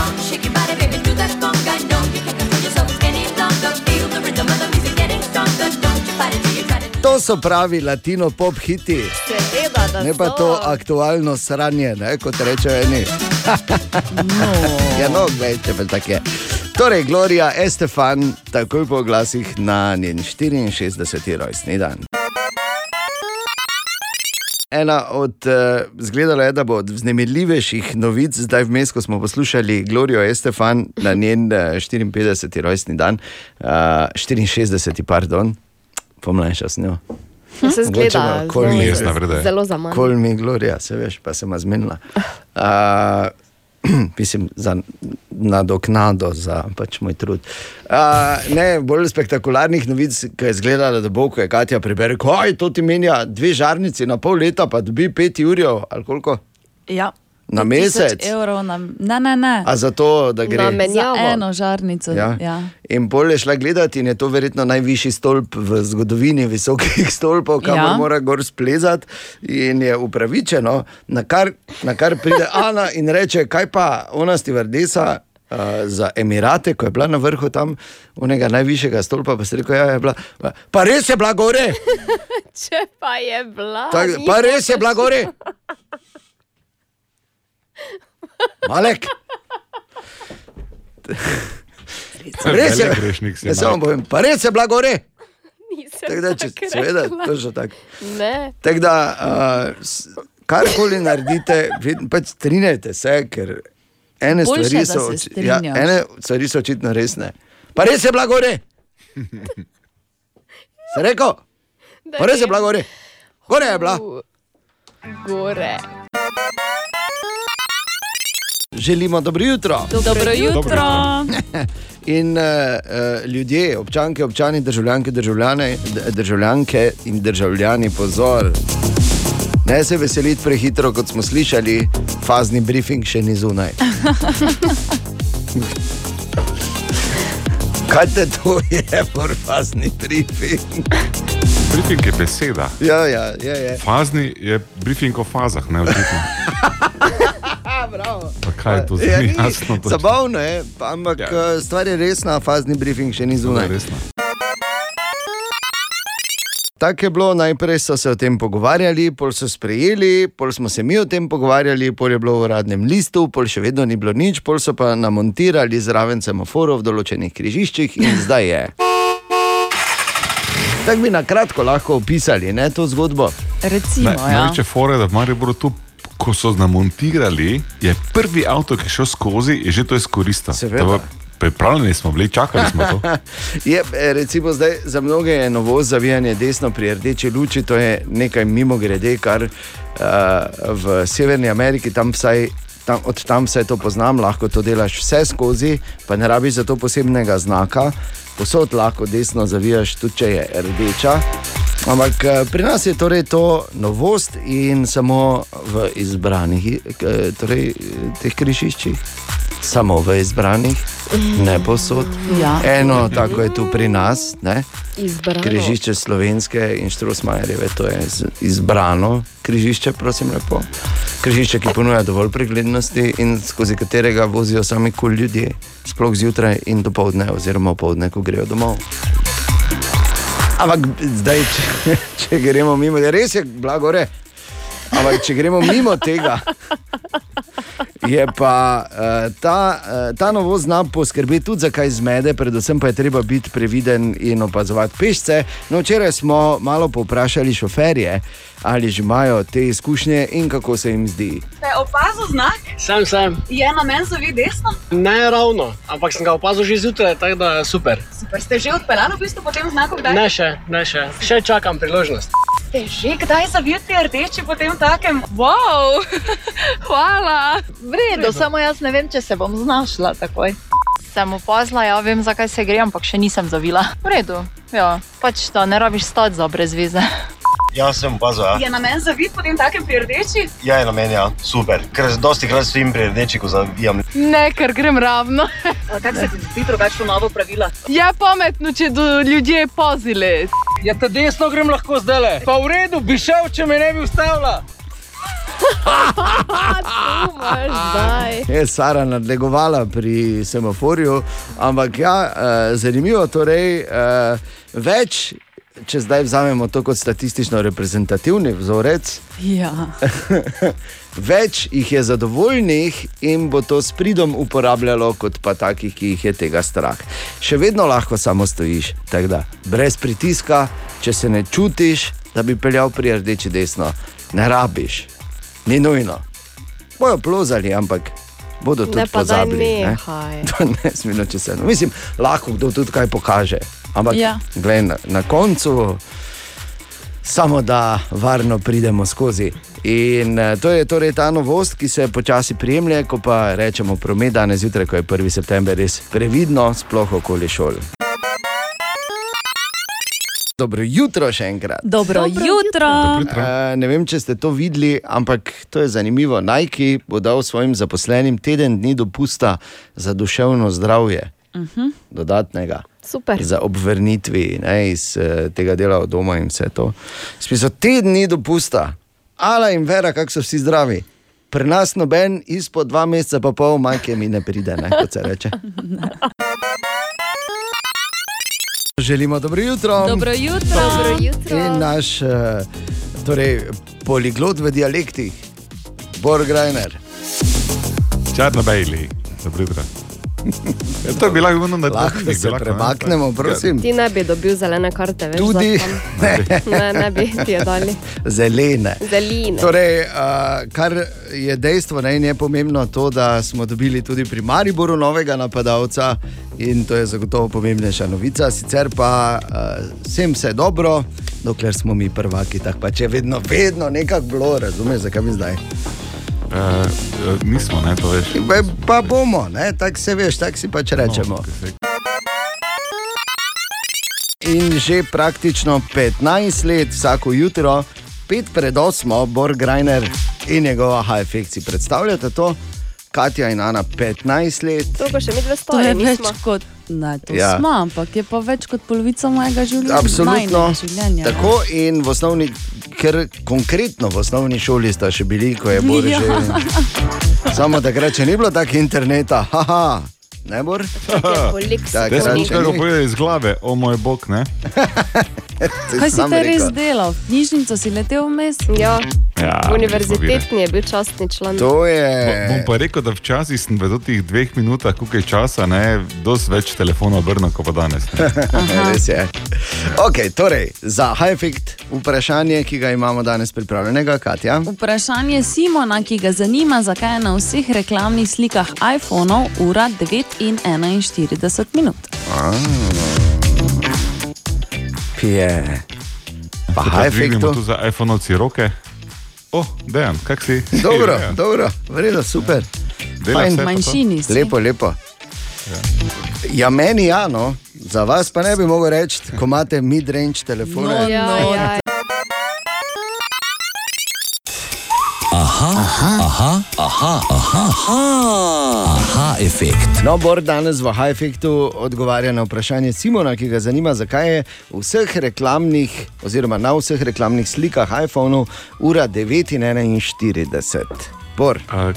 Koliko si rekel, da dolgo že to traja ta efekt, prej si računal 15 let? 15 nekje, ne?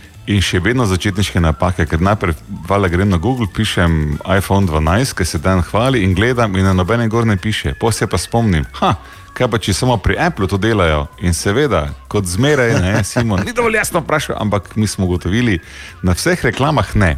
Ampak na tistih reklamah, eh, kjer pa je Apple uh, telefon slikal in ga ima tudi recimo na strani ali pa kjerkoli v reklame namene, pa je vedno ura 9 pa 41. Zakaj? To je ura, ko je Steve Jobs predstavil prvi telefon na minuto točno. Jaz si pa ti predstavljaj, ko ti reveži snema reklamo, pa, pa tam lučni vredo, je 9 pa 42, nič, se vidimo jutri ob 9. Ja, ker ne gre ura predstaviti. Ne, Ne, ura ne gre. iPhonu, predstaviti. nič ne gre, joj. Ejo, da res. Samo Bor. gremo naprej. Ja, res je težko, grem v debato z nekom, ki ima mid-range telefon, še enkrat ponovim, težko, težko. Ali tudi vi pogosto totavate v temi? Aha, efekt, da boste vedeli več. Želimo dobro jutro. Dobro jutro. Torej, prvi šolski dan in tradicionalno na prvi šolski dan situacijo preverjata Fras in Medvard, tokrat oziroma letos pri osnovni šoli Ludvika Pliberška, Pubeca. Dobro jutro, Bravo. Kaj? Ja, okay. Gospa kuharca, dober dan. Dober dan. Uh, gospa kuharca, naj jo zanima, glede na to, da je prvi šolski dan, vi sploh danes kaj kuhate, ker grejo otroci domov hitro? Seveda, otroci so dobrodošli v šoli in seveda jih tudi postrežemo zajtrk, malico in kosilo. Ja, vse imajo. Kaj pa je za malico, za zajtrk, za kosilo? Za malico dobijo sirovo štručko in smuti sadni, Mm. za kosilo pa dobijo najljubšo jed, ki jo imajo radi makaronovo meso. Pa rdečo peso. Uh, ko si gor poliješ malo. Seveda, Ja, seveda, Makaron seveda. flajš še vedno v onih uh, železnih šalcah. Ja, še vedno pri nas na Ludviku, še vedno. Izvrstno. Hvala lepa, no ne bomo vas več motila. Super. Uh, če pa kaj ostane, makaronov pa. Se priporoča, da Prideva, prideva, ni problema z veseljem. Hvala lepa. Adijo. Enako. Makaron flash imajo danes. Super. To je res. Pa ne to, da se že rezervirala kosilo. Ne, Ja, tako, tako. Ja, seveda se morate izkoristiti. se pa te. Je pa res, da makaron flash šoli. Uh, Nekaj posebnega, vse tako mm. razlagata tudi moja dva pubeca, ampak ko gledaš sirova štručka, smuti, pa take stvari, kaj smo te mi jedli. katastrofa, kak je šel lepo standard naprej, bor, ne? Dobro, Ja, pri vas tako tako, kaj je ostalo, od, uh, kaj je sablje zobi tiger, to samo opustil, ampak pri nas je to bilo. Okay, šesta pri Ludviku, danes zjutraj na prvi šolski dan, eh, Tomaš in Marko. 1. september, prvi šolski dan in tradicionalno situacijo preverjata na terenu Fras in Medvard, tokrat oziroma letos sta šla k osnovni šoli Ludvika Pliberška. Kaj zdaj? Dobro jutro, Zdravo. lovima, lovima hišnika in učitelja. Dobro jutro. Dobro Gospod jutro. Učitelj, dobro jutro. Dobro jutro. Kako, gospod učitelj? tako? Ali tovariš? Tovariš. Smo rekli. tako Ja, včasih. pred meni je skoraj vseeno. Nima, nimamo, nisem gospod, ja, reči. No, uh, mi dva sva zdaj sredi parkirišča pred uh, Ludvikom Pliberškom in malo motiva tu delovni proces, kajti gospod učitelj in gospod hišnik usmerjata promet, vse štima, vse po planu. Vse štima, vse po načrtih. Kdaj bo telovadba, kdaj bo futbal, to me najbolj zanima. In zakaj ni non-stop futbal pri telovadbi? Ja, gledajte. Želimo, da bi naši bili čim bolj motorični. Vsaka Aha, panoga nekaj da, samo malo naredimo delo. Res je. Okej, čitla Hvala pustiva. lepa. Letima še do hišnika nazaj. Hišnika ima tu. Predstavljajte si, ko hotel, ne, ko Ja. vidiš, pa odložiš otroka, kot hišnik. Teče, tekoče, vse, promet. Kao što vidite. Vse. kaj že kaj za popraviti? Kakšna? Ni v še bistvu nič. vse je popravljeno. Prvi šolski, prvi šolski dan mora biti vse popravljeno. Vse v da Vse v nulo. Super, hvala lepa. Srečno. Uživajte. Ne bomo motla, tu še gremo samo do tršic. Aha, a tršice le. A, že grejo. Dobro. Kogo lobi? Skratka, uspešen prvi dan, vsem skupaj, adijo. Adijo. okay. Torej, lahko rečemo na Ludviku, vse tako kot mora biti, pripravljeno. Je pa ena zanimiva stvar, običajno, vsaj po mojih izkušnjah, ki jih imam, telovadni učitelji, običajno hočejo biti ravnatelji, tu pa usmerja promet, vidiš, kako se razdaja. Torej, vsem otrokom. Vsem otrokom, a, čudovit in nepozaben prvi šolski dan, vsem voznikom pazite okoli šol in nasploh na Pa cestah. ne mu zameriti, prosim, ker je to je travma. Ne? To se iz prvega razreda mu vleče že nekaj let in pač proba z šalo to. Ne? Tu je naš priljubljen jutranji segment iz Borove špajze. Ja, dobro jutro. Bor, Dobro jutro. lahko danes jutro. v špajzi, jaz v bistvu ti vse skozi govoriš, da lahko nekaj vprašamo, tudi mi. Ne? In mi smo ja. se skozi držali nazaj, danes pa imam jaz eno vprašanje, če lahko. Seveda. Okay. To vprašanje se glasi, kaj je to za ena številka in kaj točno pomeni pojem, ki je neposredno sledil tej številki v eni od tvojih novic danes zjutraj. Za 193, 116 tisoč učencev, Čakaj še enkrat, če nisi dobro čutil. za 193, 116 tisoč učencev, Ok, čakaj, zdaj še enkrat. za 193, 116 tisoč učencev. Ja. Lušna, lušna je bilo, ker sem pri Ful je bilo luštno, 193 res. lahko reči tisoč in je seveda bila kompleksna številka, ki se bi mogla zaokrožiti, ker kdo šteje to za na prste. Ne? Za Ampak ker 193, 116 tisoč učencev. Ker nisem videl tisoč pred 116, sem se potem o tem razmišljal in, in umrl. Ne, ne pomaga, tako bom rekel, v radijski teoriji je zelo enostavno. Če narediš napako, kar je normalno človeško, si jo odpustiš, nasmeješ se in greš dalje. Ne? In nikoli ne smeš na napako študirati, ker si ti ponovi, kar se mi je tukaj zgodilo. Kar je vse lepo in prav v teoriji, ampak v praksi ne morete vedeti, okoli vas prežijo kokanje. Pa Vsako malo stvar, ko se spotakneš, se že valjajo po tleh. In tu gledati vas tri, ki se valjali po tleh že pri. Ne? Ja, pa kdo bi nam številki zameril, Bor, Ni ker- pomagalo pri učencih. Kdo bi, kdo bi nam zameril? Ker... Za 193, 116 tisoč učencev. Priznaj, no, da je smešno. Glej, spet je vložena kandidatura. Zelo smešno, Mislim, da je smešno. bolj leta je Absolutno je oddan. Ja, okay, samo še enkrat. Za 193, 116 tisoč učencev. Ja, ponovi to, če lahko, ne ideš lahko. Ne, res ne, to sem- 193. 316 tisoč učencev. Učencev. Ne gre, prav. Ja, tudi zmotiti se treba znati. Res je. Ja. Želimo dobro jutro. Dobro jutro. Še kako se ti včasih zgodi, da eh, rečeš, joj, Jaz se pa tako slabo spomnim stvari zadnjih nekaj let. Zadnje ja. desetletje se tako slabo spomnim, nič se ne spomnim. Si kdaj to rečeš? Ja. Ali pa tako v debati, ko, kako se pa jaz slabo spomnim. Ja. Ja. Jo, katastrofa, nič se ne spomnim. Čist Jaz pa preveč. Ena to govori, ja, reče, isto. res.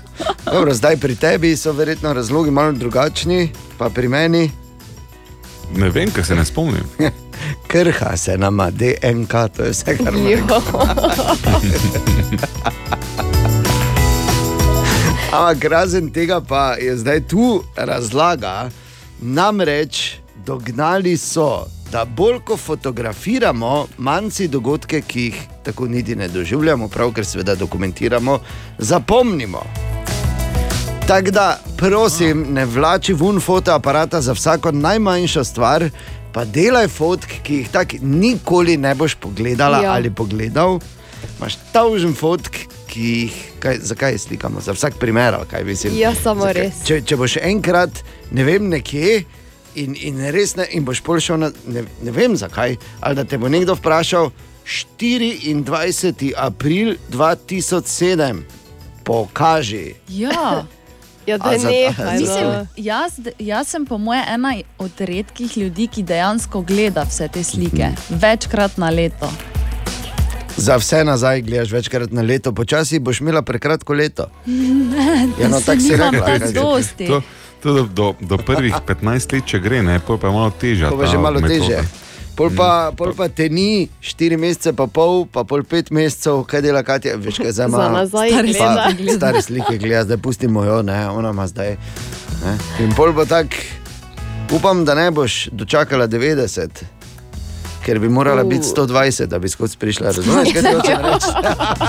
E, misliš, da se mi toliko dogaja v življenju? Ja, no, glej, v vsakem, Ne, primeru, slikaš, ne? v vsakem primeru je to uh, uh, enako, kot ti delaš fotografije za ne vem, družbena omrežja ali pa karkoli. ne. Vse, karkoli se zgodi, in seveda, če pustimo to gonjo po potrditvah eh, in po potrditvi, eh, bom rekel, tako lažnega občutka lastne pomembnosti, ne, kar žene ljudi, da svoje življenje selijo na družbena omrežja. Nobenega ne zanima, ki ti daš res ne, no, izvem zakaj. Uh, je pa res pomembno, prosim. Noben ga ne zanima, kaj jaz delam. Seveda, nobenega ne zanima, za res dajno, prosim. Te. To so vse, eh, z- seveda, zanima tiste, ki imajo neke interese, ki niso v skladu s tvojimi, če me razumeš. In to je to. Ampak eh, čisto za res, bolj fotografiraš, manj. Vse za najo je isto, kaj te nabo zdaj tako, ne, kaj te zdaj čist, nobenega ne zanima, mi je rekel, se tudi, Ja. ja. kaj jaz delam, nobenega ne zanima, kaj bor, razumeš? Ni, No, no, no, no. daj, daj, daj, bor. Ampak kar hočem povedati, spet smo zavili. Ja, povej. Hočem povedati, da prosim, ne raje živi in ne dokumentiraj in arhiviraj. Pa bo lepše in lažje. Razen če je to seveda tvoja služba.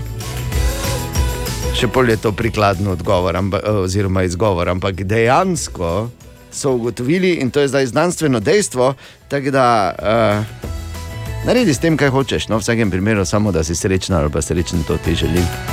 Na 2. september, 9 minut čez 6. Kakšne globoke misli, jaz sem ja, čisto moraš adijo zju- zdaj. zjutraj, zjutraj moraš iti globoko, ker če imaš srečo, pol do večera na več vum prilezeš. Malo po naslovih danes zjutraj, evo tu je še en. A, katere so po horoskopu najbolj zaželene matere in žene? Levinje, rakice in kozoroginje. Ti kak pa lažje. Seveda. Mislim, ne. Prav imajo. Imajo prav? Ja. Ne? Nisi notkati, ja, ne? Ti si za druge stvari na svetu. 13 minut, če šesto. Imate ženske to kar razgibano, ne? ker pri moških je bolj enostavno. Ribe. Zaželeni samci ribe. Zaželeni očetje ribe. Partnerji ribe. Zato pa imaš Kaj tak jemo v soboto, petek ali nedeljo? Ribe. Bor, ti, si, ti imaš znamenje, kjer sta dva ista znaka, samo toliko. Ja. Ali ribe. Ribi, če že. Uh, ribe. Dve isti ribi, če me razumeš. Ne? Ni riba in ribak. Dobro jutro. Dobro jutro. A, poznamo izraz, ne, da je neka uh, trditev ribiška. Ko se Ja. reče, da je to malo ribiška, veš. To se pravi, ribiči znani po tem, da, jih, eh, da, da pač radi pretiravajo. Ne? Kar je bilo včasih, ko še ni imel vsak telefon, fotoaparata, dosti lažje kot je danes. Ne? Ko vidiš, v bistvu on razlaga o somu, a v bistvu gre za ne vem, malo podustne. Rdeče. Ja, res. Zeleno oko. ja, ne. Ali pa, mislim, ne vem, taki morski pes je, a v bistvu je bila girica. ne. Skratka, Ja, no, ja, mali no, morski pes. to je to, ne. Vse je neke vrste mali morski pes, ne? ko tako pogledaš. Ampak ja, to je pač znani, pač to je eden od stereotipov, da radi pretiravajo, o drugih stereotipih povezanih z ribiči ne bomo. Bi pa jaz eno novo stvar prijavil, samo da veš, in to je v bistvu bazira na osebnem izkustvu. Včeraj sem poslušal eno debato tu v studiu ena in ugotovil, da če se pogovarjata dva ribiča ali pa se pogovarjata dve vrtnarki, je povsem enako. Ker je to isto pretiravanje, ker je bilo, ej, stara, veš, kakšen paradajz, pa letos, pa to ne. Pa ja, veš, kakega imamo mi, pa, pa druga, ja, veš kaj, pri nas imamo taki paradajz. Da je šodra ven zrasto, ker tam neki. Jaz, vas, jaz vam ga bom Pa, poslal. ja, v redu, v redu, v redu. Res, Pa druga, mojega. pa druga, kaj, veš, kakšen paradajz imam jaz? Jaz sem samo malo stran šla, ko sem prišel nazaj. Je na eni strani vum pognal, pa imel uh, paradajze 100 metrov stran, veš, kakšna dolga flanca. Jaz, kaj, jaz imam taki paradajz, da vem, jaz imam da. da, va. Veš, kako laganje. Jaz imam taki paradajz, ko je večji od bezga. Vse si na robu. Ne, točno tako je bilo. To je problem. Ni bil problem v sami debati, če Ja. ja. lahko prosim izpostavim, ampak težava je bila v tem, kako si ti to Ja, ja. poslušal. Ja, No, v redu, slabo. Ja. Bor me razumeš, kaj hočem povedati? Zelo te razumem. Hvala. Ja, Tako. lepo, da ste Tako se da, povezala. ko se- Ja, te pa nič, če ne bo. Čisto enako ugotavljam, ne, dve vrtnarki, dva ribiča, čisto isto. Rekla, jaz imam taki togo, da nisi rekla, da mi je z asfalta mi raste. Mi, mi ga nimamo, a drugo, mi pa imamo taki paradajz, da ga tepemo. Tako nimamo radi. Tako Tak ga nimamo rdeči, radi, ne? veš, tako ga nimamo radi, da ga tepemo, pa veš, kak rodi. Ja, Mhm. kak je rdeč. Pač povem, 9 minut čez Ja, pol sedmo. režete. Dobro jutro. Ena od treh, treh, treh. Jutranji sprehod po zgodovini popularne glasbe. No, tako ura je 46 minut in tudi danes gremo malo. Gremo malo v glasbeno zgodovino, niti ne tako daleč, kajti kmalu bo svoj 46. rojstni dan, član torej tako imenovanega Golden Class of 75, praznoval Mark Ronson. M- Mark Ronson, ki je, ki je res izjemen, no, v bistvu zelo hitro že začel, mu je že bilo jasno, da se bo začel ukvarjati z muziko in na to svoje, seveda skozi svoje DJ-jevsko in producentsko delo uh, je pravzaprav ima no, status legende ali pa najbolj zaželenega. Doko- Torej, tega eh, producenta v svetu popularne glasbe. Če te zanima podrobneje, na Apple TV-ju je res izjemna dokumentarna serija, ki jo je posnel, imenuje se Watch the Sound.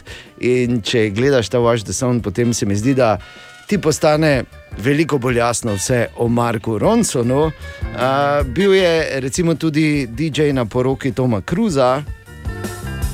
Verjetno, Aha, torej, scientolog, dobro. Ne, ni. Ja, glej. Pa če, bil, pa če bil tam DJ. Jaz razumeš? upam, da ni, no. Se te ve za denar greš. Ne? Sej nisi rekel, da je DJ-ov, ko je Tom Cruise placento jedel. Jo pa daj, no. In tudi domov. redni, redni TED govorec je. Tudi zanimivo je bi bilo pogledati, kak je njegov TED talk, brez skrbi. Ja? In uh, tudi uh, je človek, ki je sodeloval že s praktično vsemi, in skoraj vsa sodelovanja so bila legendarna. Recimo to za Amy Winehouse.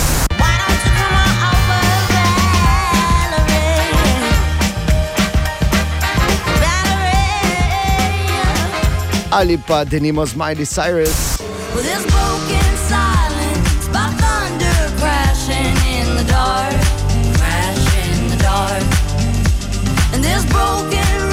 ali pa z Vikili. Pulling in the wrong direction. I'm about to cross that line. Looking for the wrong affection. In ker je tak perfekcionist, se mu je enkrat zgodilo, da je zaradi hita tudi skoraj umrl. In sicer se je to zgodilo, ko sta z Bruno Marsom delala Uptown Funk, je določene dele eh, snemal že 45-tič. Pa mu nikak ni pasalo, pa si je vzel premor za kosilo in v tem premoru za kosilo se je zgrudil od utrujenosti, pregaranosti in prevelikega stresa. Začeli so mu izpadati tudi njegovi sicer gosti in lepi lasje, tako kot imamo vsi letnik 75. A, in sicer torej, to je bilo pri hitu Uptown Funk.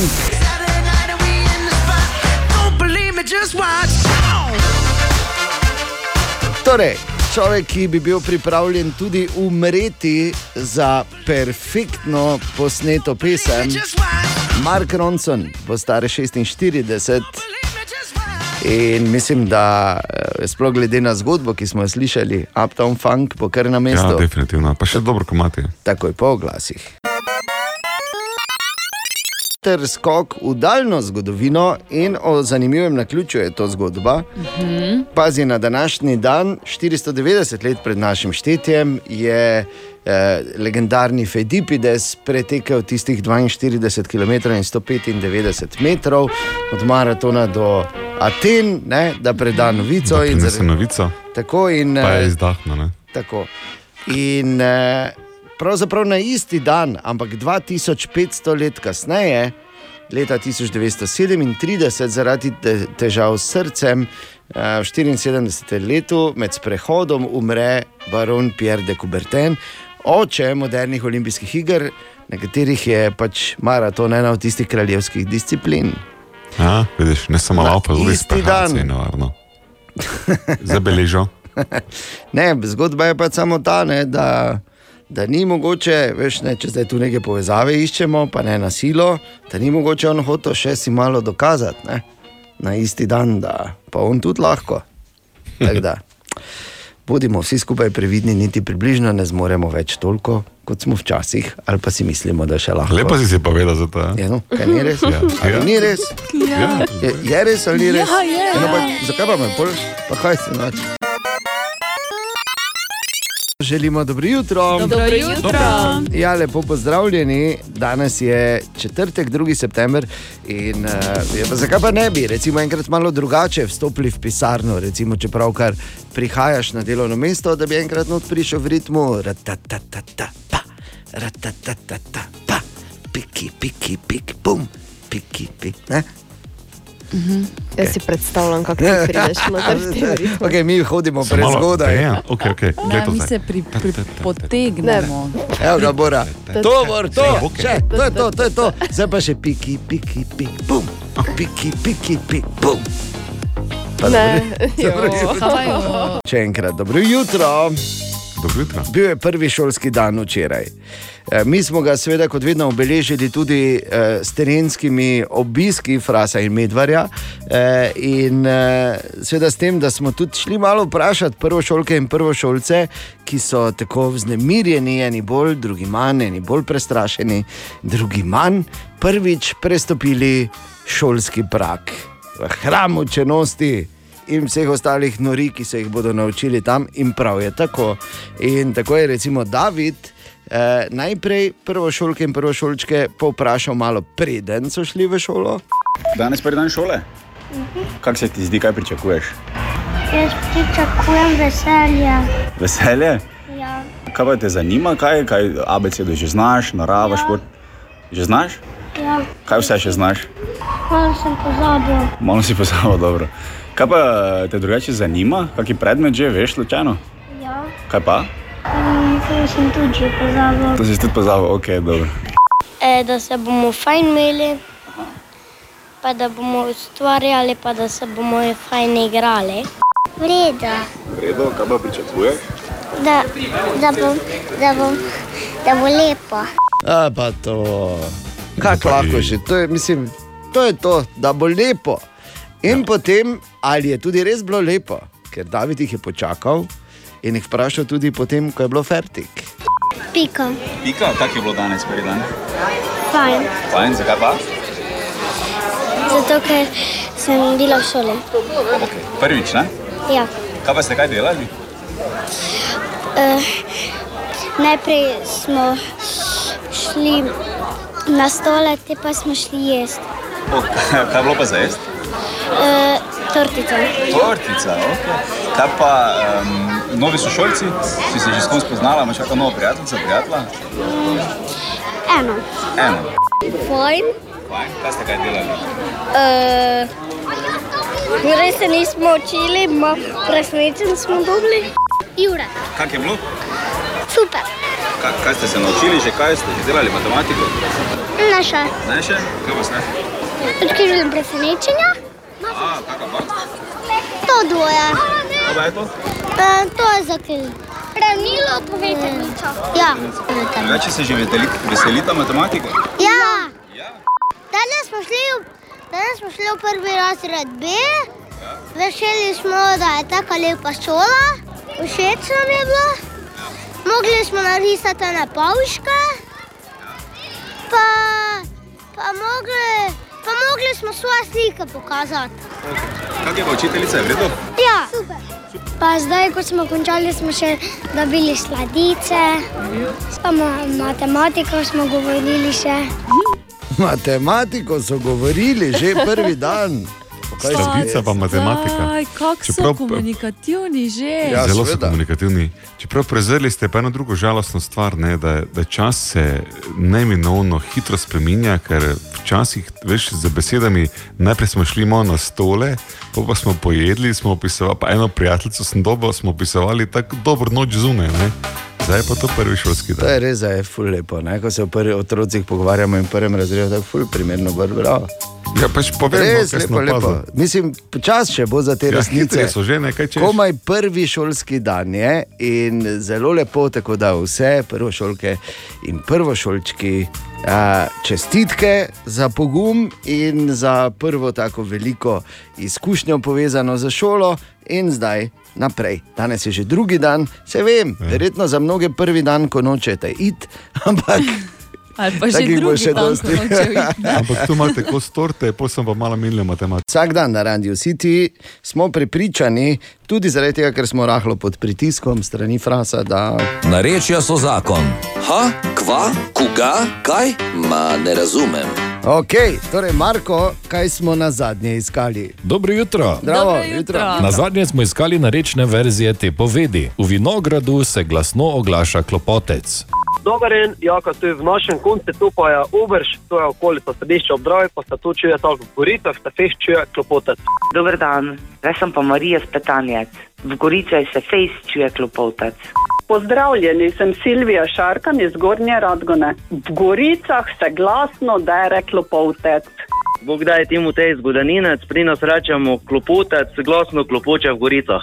Sem Viktorija, doma sem z Vitomarcov, pri nas pa tako rečemo, v Gorici klopotec glasno klopoče. V tem tednu pa iščemo narečne verzije te povedi. Ti si nor oziroma nora. Kaj pravite vi trije? Okroglina, odvujdec in odrnjak. Jaz nisem si okroglina. O, to ja, si, si. Ne, nisem. Vse ne dobesedno. Mhm. A, to je ti si nor, ne? Imamo v Mariborsko pa če beseda, ki je ne moramo reči tu, ker je Ja, grda. ne. no, sej. Je Mislim, pa na F. ja, pa na Ja. F je, ne, ampak. Na F. Kaj si nor, kaj si za F? Kaj si, Šmukjen. ja, to Ne. ni na F. Ja, ne. pač vse vemo, kaj misliš. Dobro jutro. O, ti ne, no. to ne moramo reči, pa je to naše nareče? To je res. Ja. Te pa daj, kak rečemo? Jaz vam Ja, ja.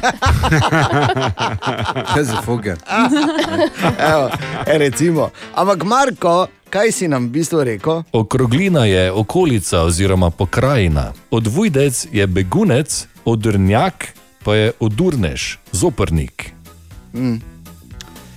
Ja. Tečemo, ne? Torej, nareča so zakon vsak dan po drugi uri, frasi medvršev in pa na naših družbenih omrežjih. Ha, koga?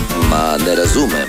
Narečja so zakon. Poletni prestopni rok je bil izjemno, izjemno razgiban, ne le na splošno po Evropi, tudi v Sloveniji in seveda nas najbolj zanima Maribor. In, uh, ja, če ga mora kdo oceniti, je to naš športni direktor Marko Šuler. Torej, bilo je stresno, ne?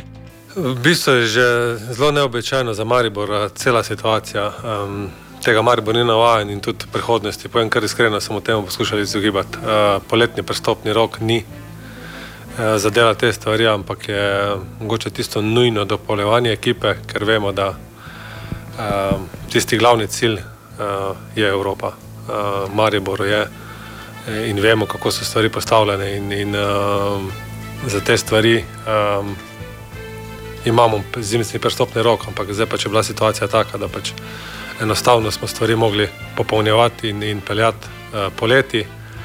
Um, tako da je pol res padlo čist na konec, za moje pojme prepozno, absolutno moja želja je bila, da, ga, uh, da imamo vsaj osnovni kader popolnjen že, že začetkom priprav, to nažalost ni šlo skozi, oziroma um, so zadeve zelo čudne uh, na tržišču, um, ne samo pri Maro, Mariboru, ampak tudi drugih ekipah, oziroma en čuden prestopni rok, um, neobičajno. Tudi to Maribor se temu ni mogel izogniti. Ampak smo pa le in je uspelo, smo dobili ne pet minut pred 12, ampak pravzaprav minuto pred 12, tudi napadalca, ko je z Jagelonije v Maribor prišel ognjen Mudrinski. V bistvu zadnja uh, stvar, ki pri dopolnitvi tega moštva um, dolgo časa delali, um, se v bistvu je že javno znano, da napadalci so um, zelo iskana roba. Um, Najti pravega, um, še posebej po tem, kar smo imeli zadnjih deset let, um, je za moje pojme misija ne mogoče. Uh, zamenjati tovareša, uh, najti pod vsaj približno rešitev. Um, ogromno stvari, uh, ogromno že bilo dokončanih skoraj, ampak je ta posel, oziroma ta, je eno zanimivo obdobje, ki je malo premešalo um, kakšen nogomet, ki smo ga poznali do zdaj. Da, um, na koncu, v bistvu v zadnjem dnevu, um, delali fejst, um, bili so bili tukaj do večera, od jutra in, in uh, verjamem, da pripeljali enega igralca, ki je. Uh, ki ima rezume, mm, ki je dajal gole v različnih klubih, uh, ki je izkušen, predvsem pa ki je, jaz mislim, tudi karakterno. Uh, tisti, ki lahko pomaga, kot ne greš, ni za njega. In, in, um, jaz mislim, da um, je lahko dodana vrednost ekipi. Absolutno in to si seveda tudi vsi želimo. In kaj zdaj lahko pričakujemo v nadaljevanju, torej po tem reprezentančnem premoru? Uh, to, da bo idealno, ni bilo pričakovati, da še nekaj časa ne bo idealno, oziroma um, za moje pojme v nogometu, predvsem pa v Mariboru, nikoli ne bo idealno. Um, jaz bom strmel uh, konstantno po nekem napredku, oziroma izboljšavi, oziroma tudi sam pri sebi. Uh, sem zelo kritičen in, in uh, za moje pojme nikoli ni dovolj dobro, vedno je lahko boljše. In uh, tudi rezultatsko. Um, ja, smo pokazali neko pot, ki bo s polnim paci, jaz osebno. Um, želim uh, absolutno uh, več um, s kančkom. Um, Določene stvari bi lahko bilo več, um, uh, ampak se pravi, smo na eni poti, ki bo imela tudi spolne empatije, absolutno, da bo vse šlo prav, ne pričakujem. Um, je pa seveda treba najti uh, stvari, v Mariboru dovolj časa ni, uh, jokanja ne bo, uh, iskanja Libijo tudi ne, da jih ne iščem. Verjamem pa v to zgodbo, absolutno verjamem, kaj delamo, verjamem, da se lahko še kaj naučimo, verjamem, da brez napak ni bilo, absolutno ne. In, um, gremo po poti in uh, verjamem, da na koncu, ker sezona je dolga, mene pa lesice zanima samo na koncu. Um, prej še noben je dvignil pokala in ga niti ne bo. Da, um, zbrati pravo pot do tja, da smo na koncu tam, kjer želimo biti. Tako je in verjamem, da tudi bomo, športni direktor Marko Šuler, hvala eh, za čas in pojasnila. In vsi vemo, da na koncu bo, ker Maribor je Šampion. šampion. Točno. Želimo dobro jutro. Dobro jutro. Dobro jutro. Danes je petek, 3. september, torej zelo zgodaj, še vedno 3 minute čez 6. Veš, kako spijo zdaj še eni? Je, neho. Kot krapi. Samo povem. Je pa, uh, kot smo rekli, ura še zelo zgodnja. Praktično 8 minut čez 6. in eno vprašanje ostaja neodgovorjeno. Ne. Je ta podlaga, Ja, ki ja. je kviz Ne, brez Google, sem celi. Ni kviz brez je Googla. sedem minut čez šesto. Uh, Bor prvo kot prvo, to ni kviz brez Google. Ne? Kviz tako brez, zveni, kot da je. kviz brez Čudiš, Google je a? nekaj povsem drugega. Um, Mislim, skoraj najmoče vprašanje, ko je to smisel. In če lahko do konca postavim to vprašanje, ki ostaje neodgovorjeno, hvala lepa. Je skoraj najmoče vprašanje. Ne. To je vprašanje, ali lahko Ana, oziroma naše zmagovalno tezensko meso, ne, ti, ti bi dobila zve, zvezdice, bi dobila vrade, vratgo, ne veš, na sejmu. Vi ne? Ja, a, zmaga tudi tako zgodaj zjutraj. Skoraj nemogoče vprašanje korenini v statistikah iz Evropske unije zadeva tudi nas in je običajno veliko bolj spektakularno od odgovora. Ali pač pripravljeni? Ne. Čakaj, Nikoli dovolj. Si si rekel, da ni. Ti Ja, samo sodeluj lepo. Bor, za tebe danes zjutraj Ne, ne, tako je rekla, ful zgodaj. bi lahko govorili tudi filipinsko, pa bi bilo Ja, vseeno. absolutno. No, torej, upoštevaj to. Skoraj nemogoče vprašanje. Večina žensk, velika večina žensk v Evropski uniji je rekla, ko so jih vprašali, da je najtežje svojega deda prisiliti, ker drugače ne gre, da naredi to, oziroma pač Gre z njo v Spustiš šoping. koliko? Prav od. Ne, ni pokrav od školke. ni. Kaj boste povedali? Posesati stanovanje. Ni domače pravilo, da, A, va, da da vam ni? kar povem. Ne. I, Se spomni obletnice. Eh, daj, no, prosim. Te. it Pelje tam- na večerjo. A ja. A, smo že v pravi smeri, je gibanje povezano s tem. Ja? Aha, k tašči na kosilo. Ne. Hmm. In nekam to. Ja, Jo povabiti. Najtežje, pravijo, velika večina njih je rekla, da je najtežje, nikakor ga ne spravi. V kino? Ne, K frizerki. ne. Zobozdravniku. Ne, zobozdravniku, kak mi zobozdravniku? Zobozdravniku, ne? Kak, Ne, kak ni zobozdravnik. Ste pa Zdravniku. Te pa zdravniku, tako je. Ne, ne morem hudiča spraviti zdravniku, razumeš, pa bi moral iti Joj, pa Pa to pa je noče. res. Res. Noče. Jaz Vedno. samo pozdrave domov pošiljam. Tako.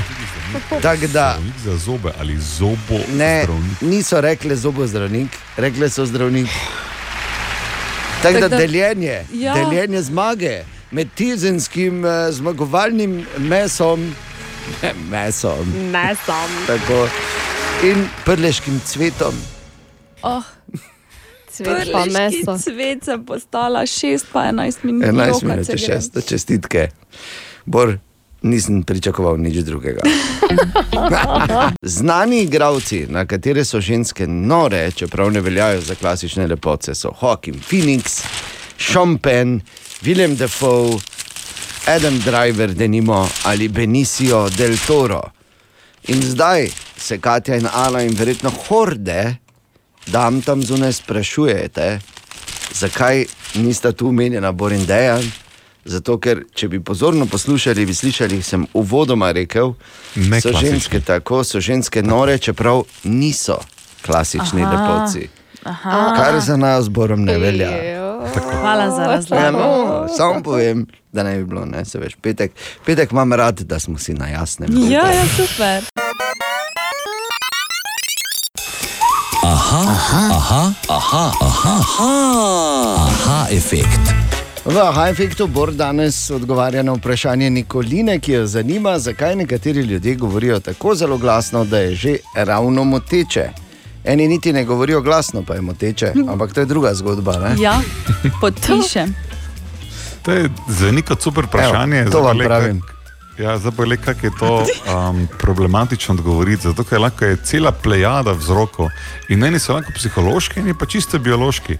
Recimo, ne, ljudje, ki so um, malo bolj obdarjeni. Vokalno obdarjeni so pač malo glasnejši. Eni so se naučili glasno govoriti, eni imajo psihološke težave in hočejo to prikriti in pokazati, kako so pomembni, in oni glasno govorijo. Zopet četrti ne so samo naglušni in glasno govorijo po istem principu, tako ljudje, ko imajo slušalke v ušesih, pa nekaj vprašaš, pa on pravi: Ne, vrejo sem. Ne? Tako da. Ali pa ljudje, ki imajo slušalko v ušesih, koliko si kupijo Bluetooth slušalko in se ti z njim pogovarjaš, in on kar naenkrat začne nekaj tretjega govoriti, in ugotoviš, da se je vmes, med tem, ko se je s tabo pogovarjal, začel pogovarjati po telefonu in je šel beg. In taki ljudje običajno dobijo tudi eno prek nopla. Se spomniš no. tega? Ne nujno bom rekel, ker sem bil osebno udeležen v tem procesu. Ja, Hočem pač ja. povedati, da kar se tiče ljudi, ki glasno govorijo, težko je prebiti natančen vzrok, lahko jih je mnogo. Zato je fajn biti previden. Ne? da Najprej rečemo, poslušaj, ti imaš pa res en taki močen glas, skoraj premočen. Naprimer. ne. Tak diplomatski, švedski pristop. Ja, zelo, zelo. Kanadski, Švedski. Ja, tako. Justin Trudeau pristop, kot ga Ja. tudi ne imenujejo profesionalno. Ker pol, če se še vedno dere, pa sam sekaš. Ne? To Pa, Pa greš. Ampak konjski. da se ne menimo, kak je, ker sem povedal zgodbo o enem, ko je imel Bluetooth slušalke. Ali tudi vi pogosto totavate v temi? Aha, efekt, da boste vedeli več. Dobra, mali in stari. Podcast jutranje ekipe.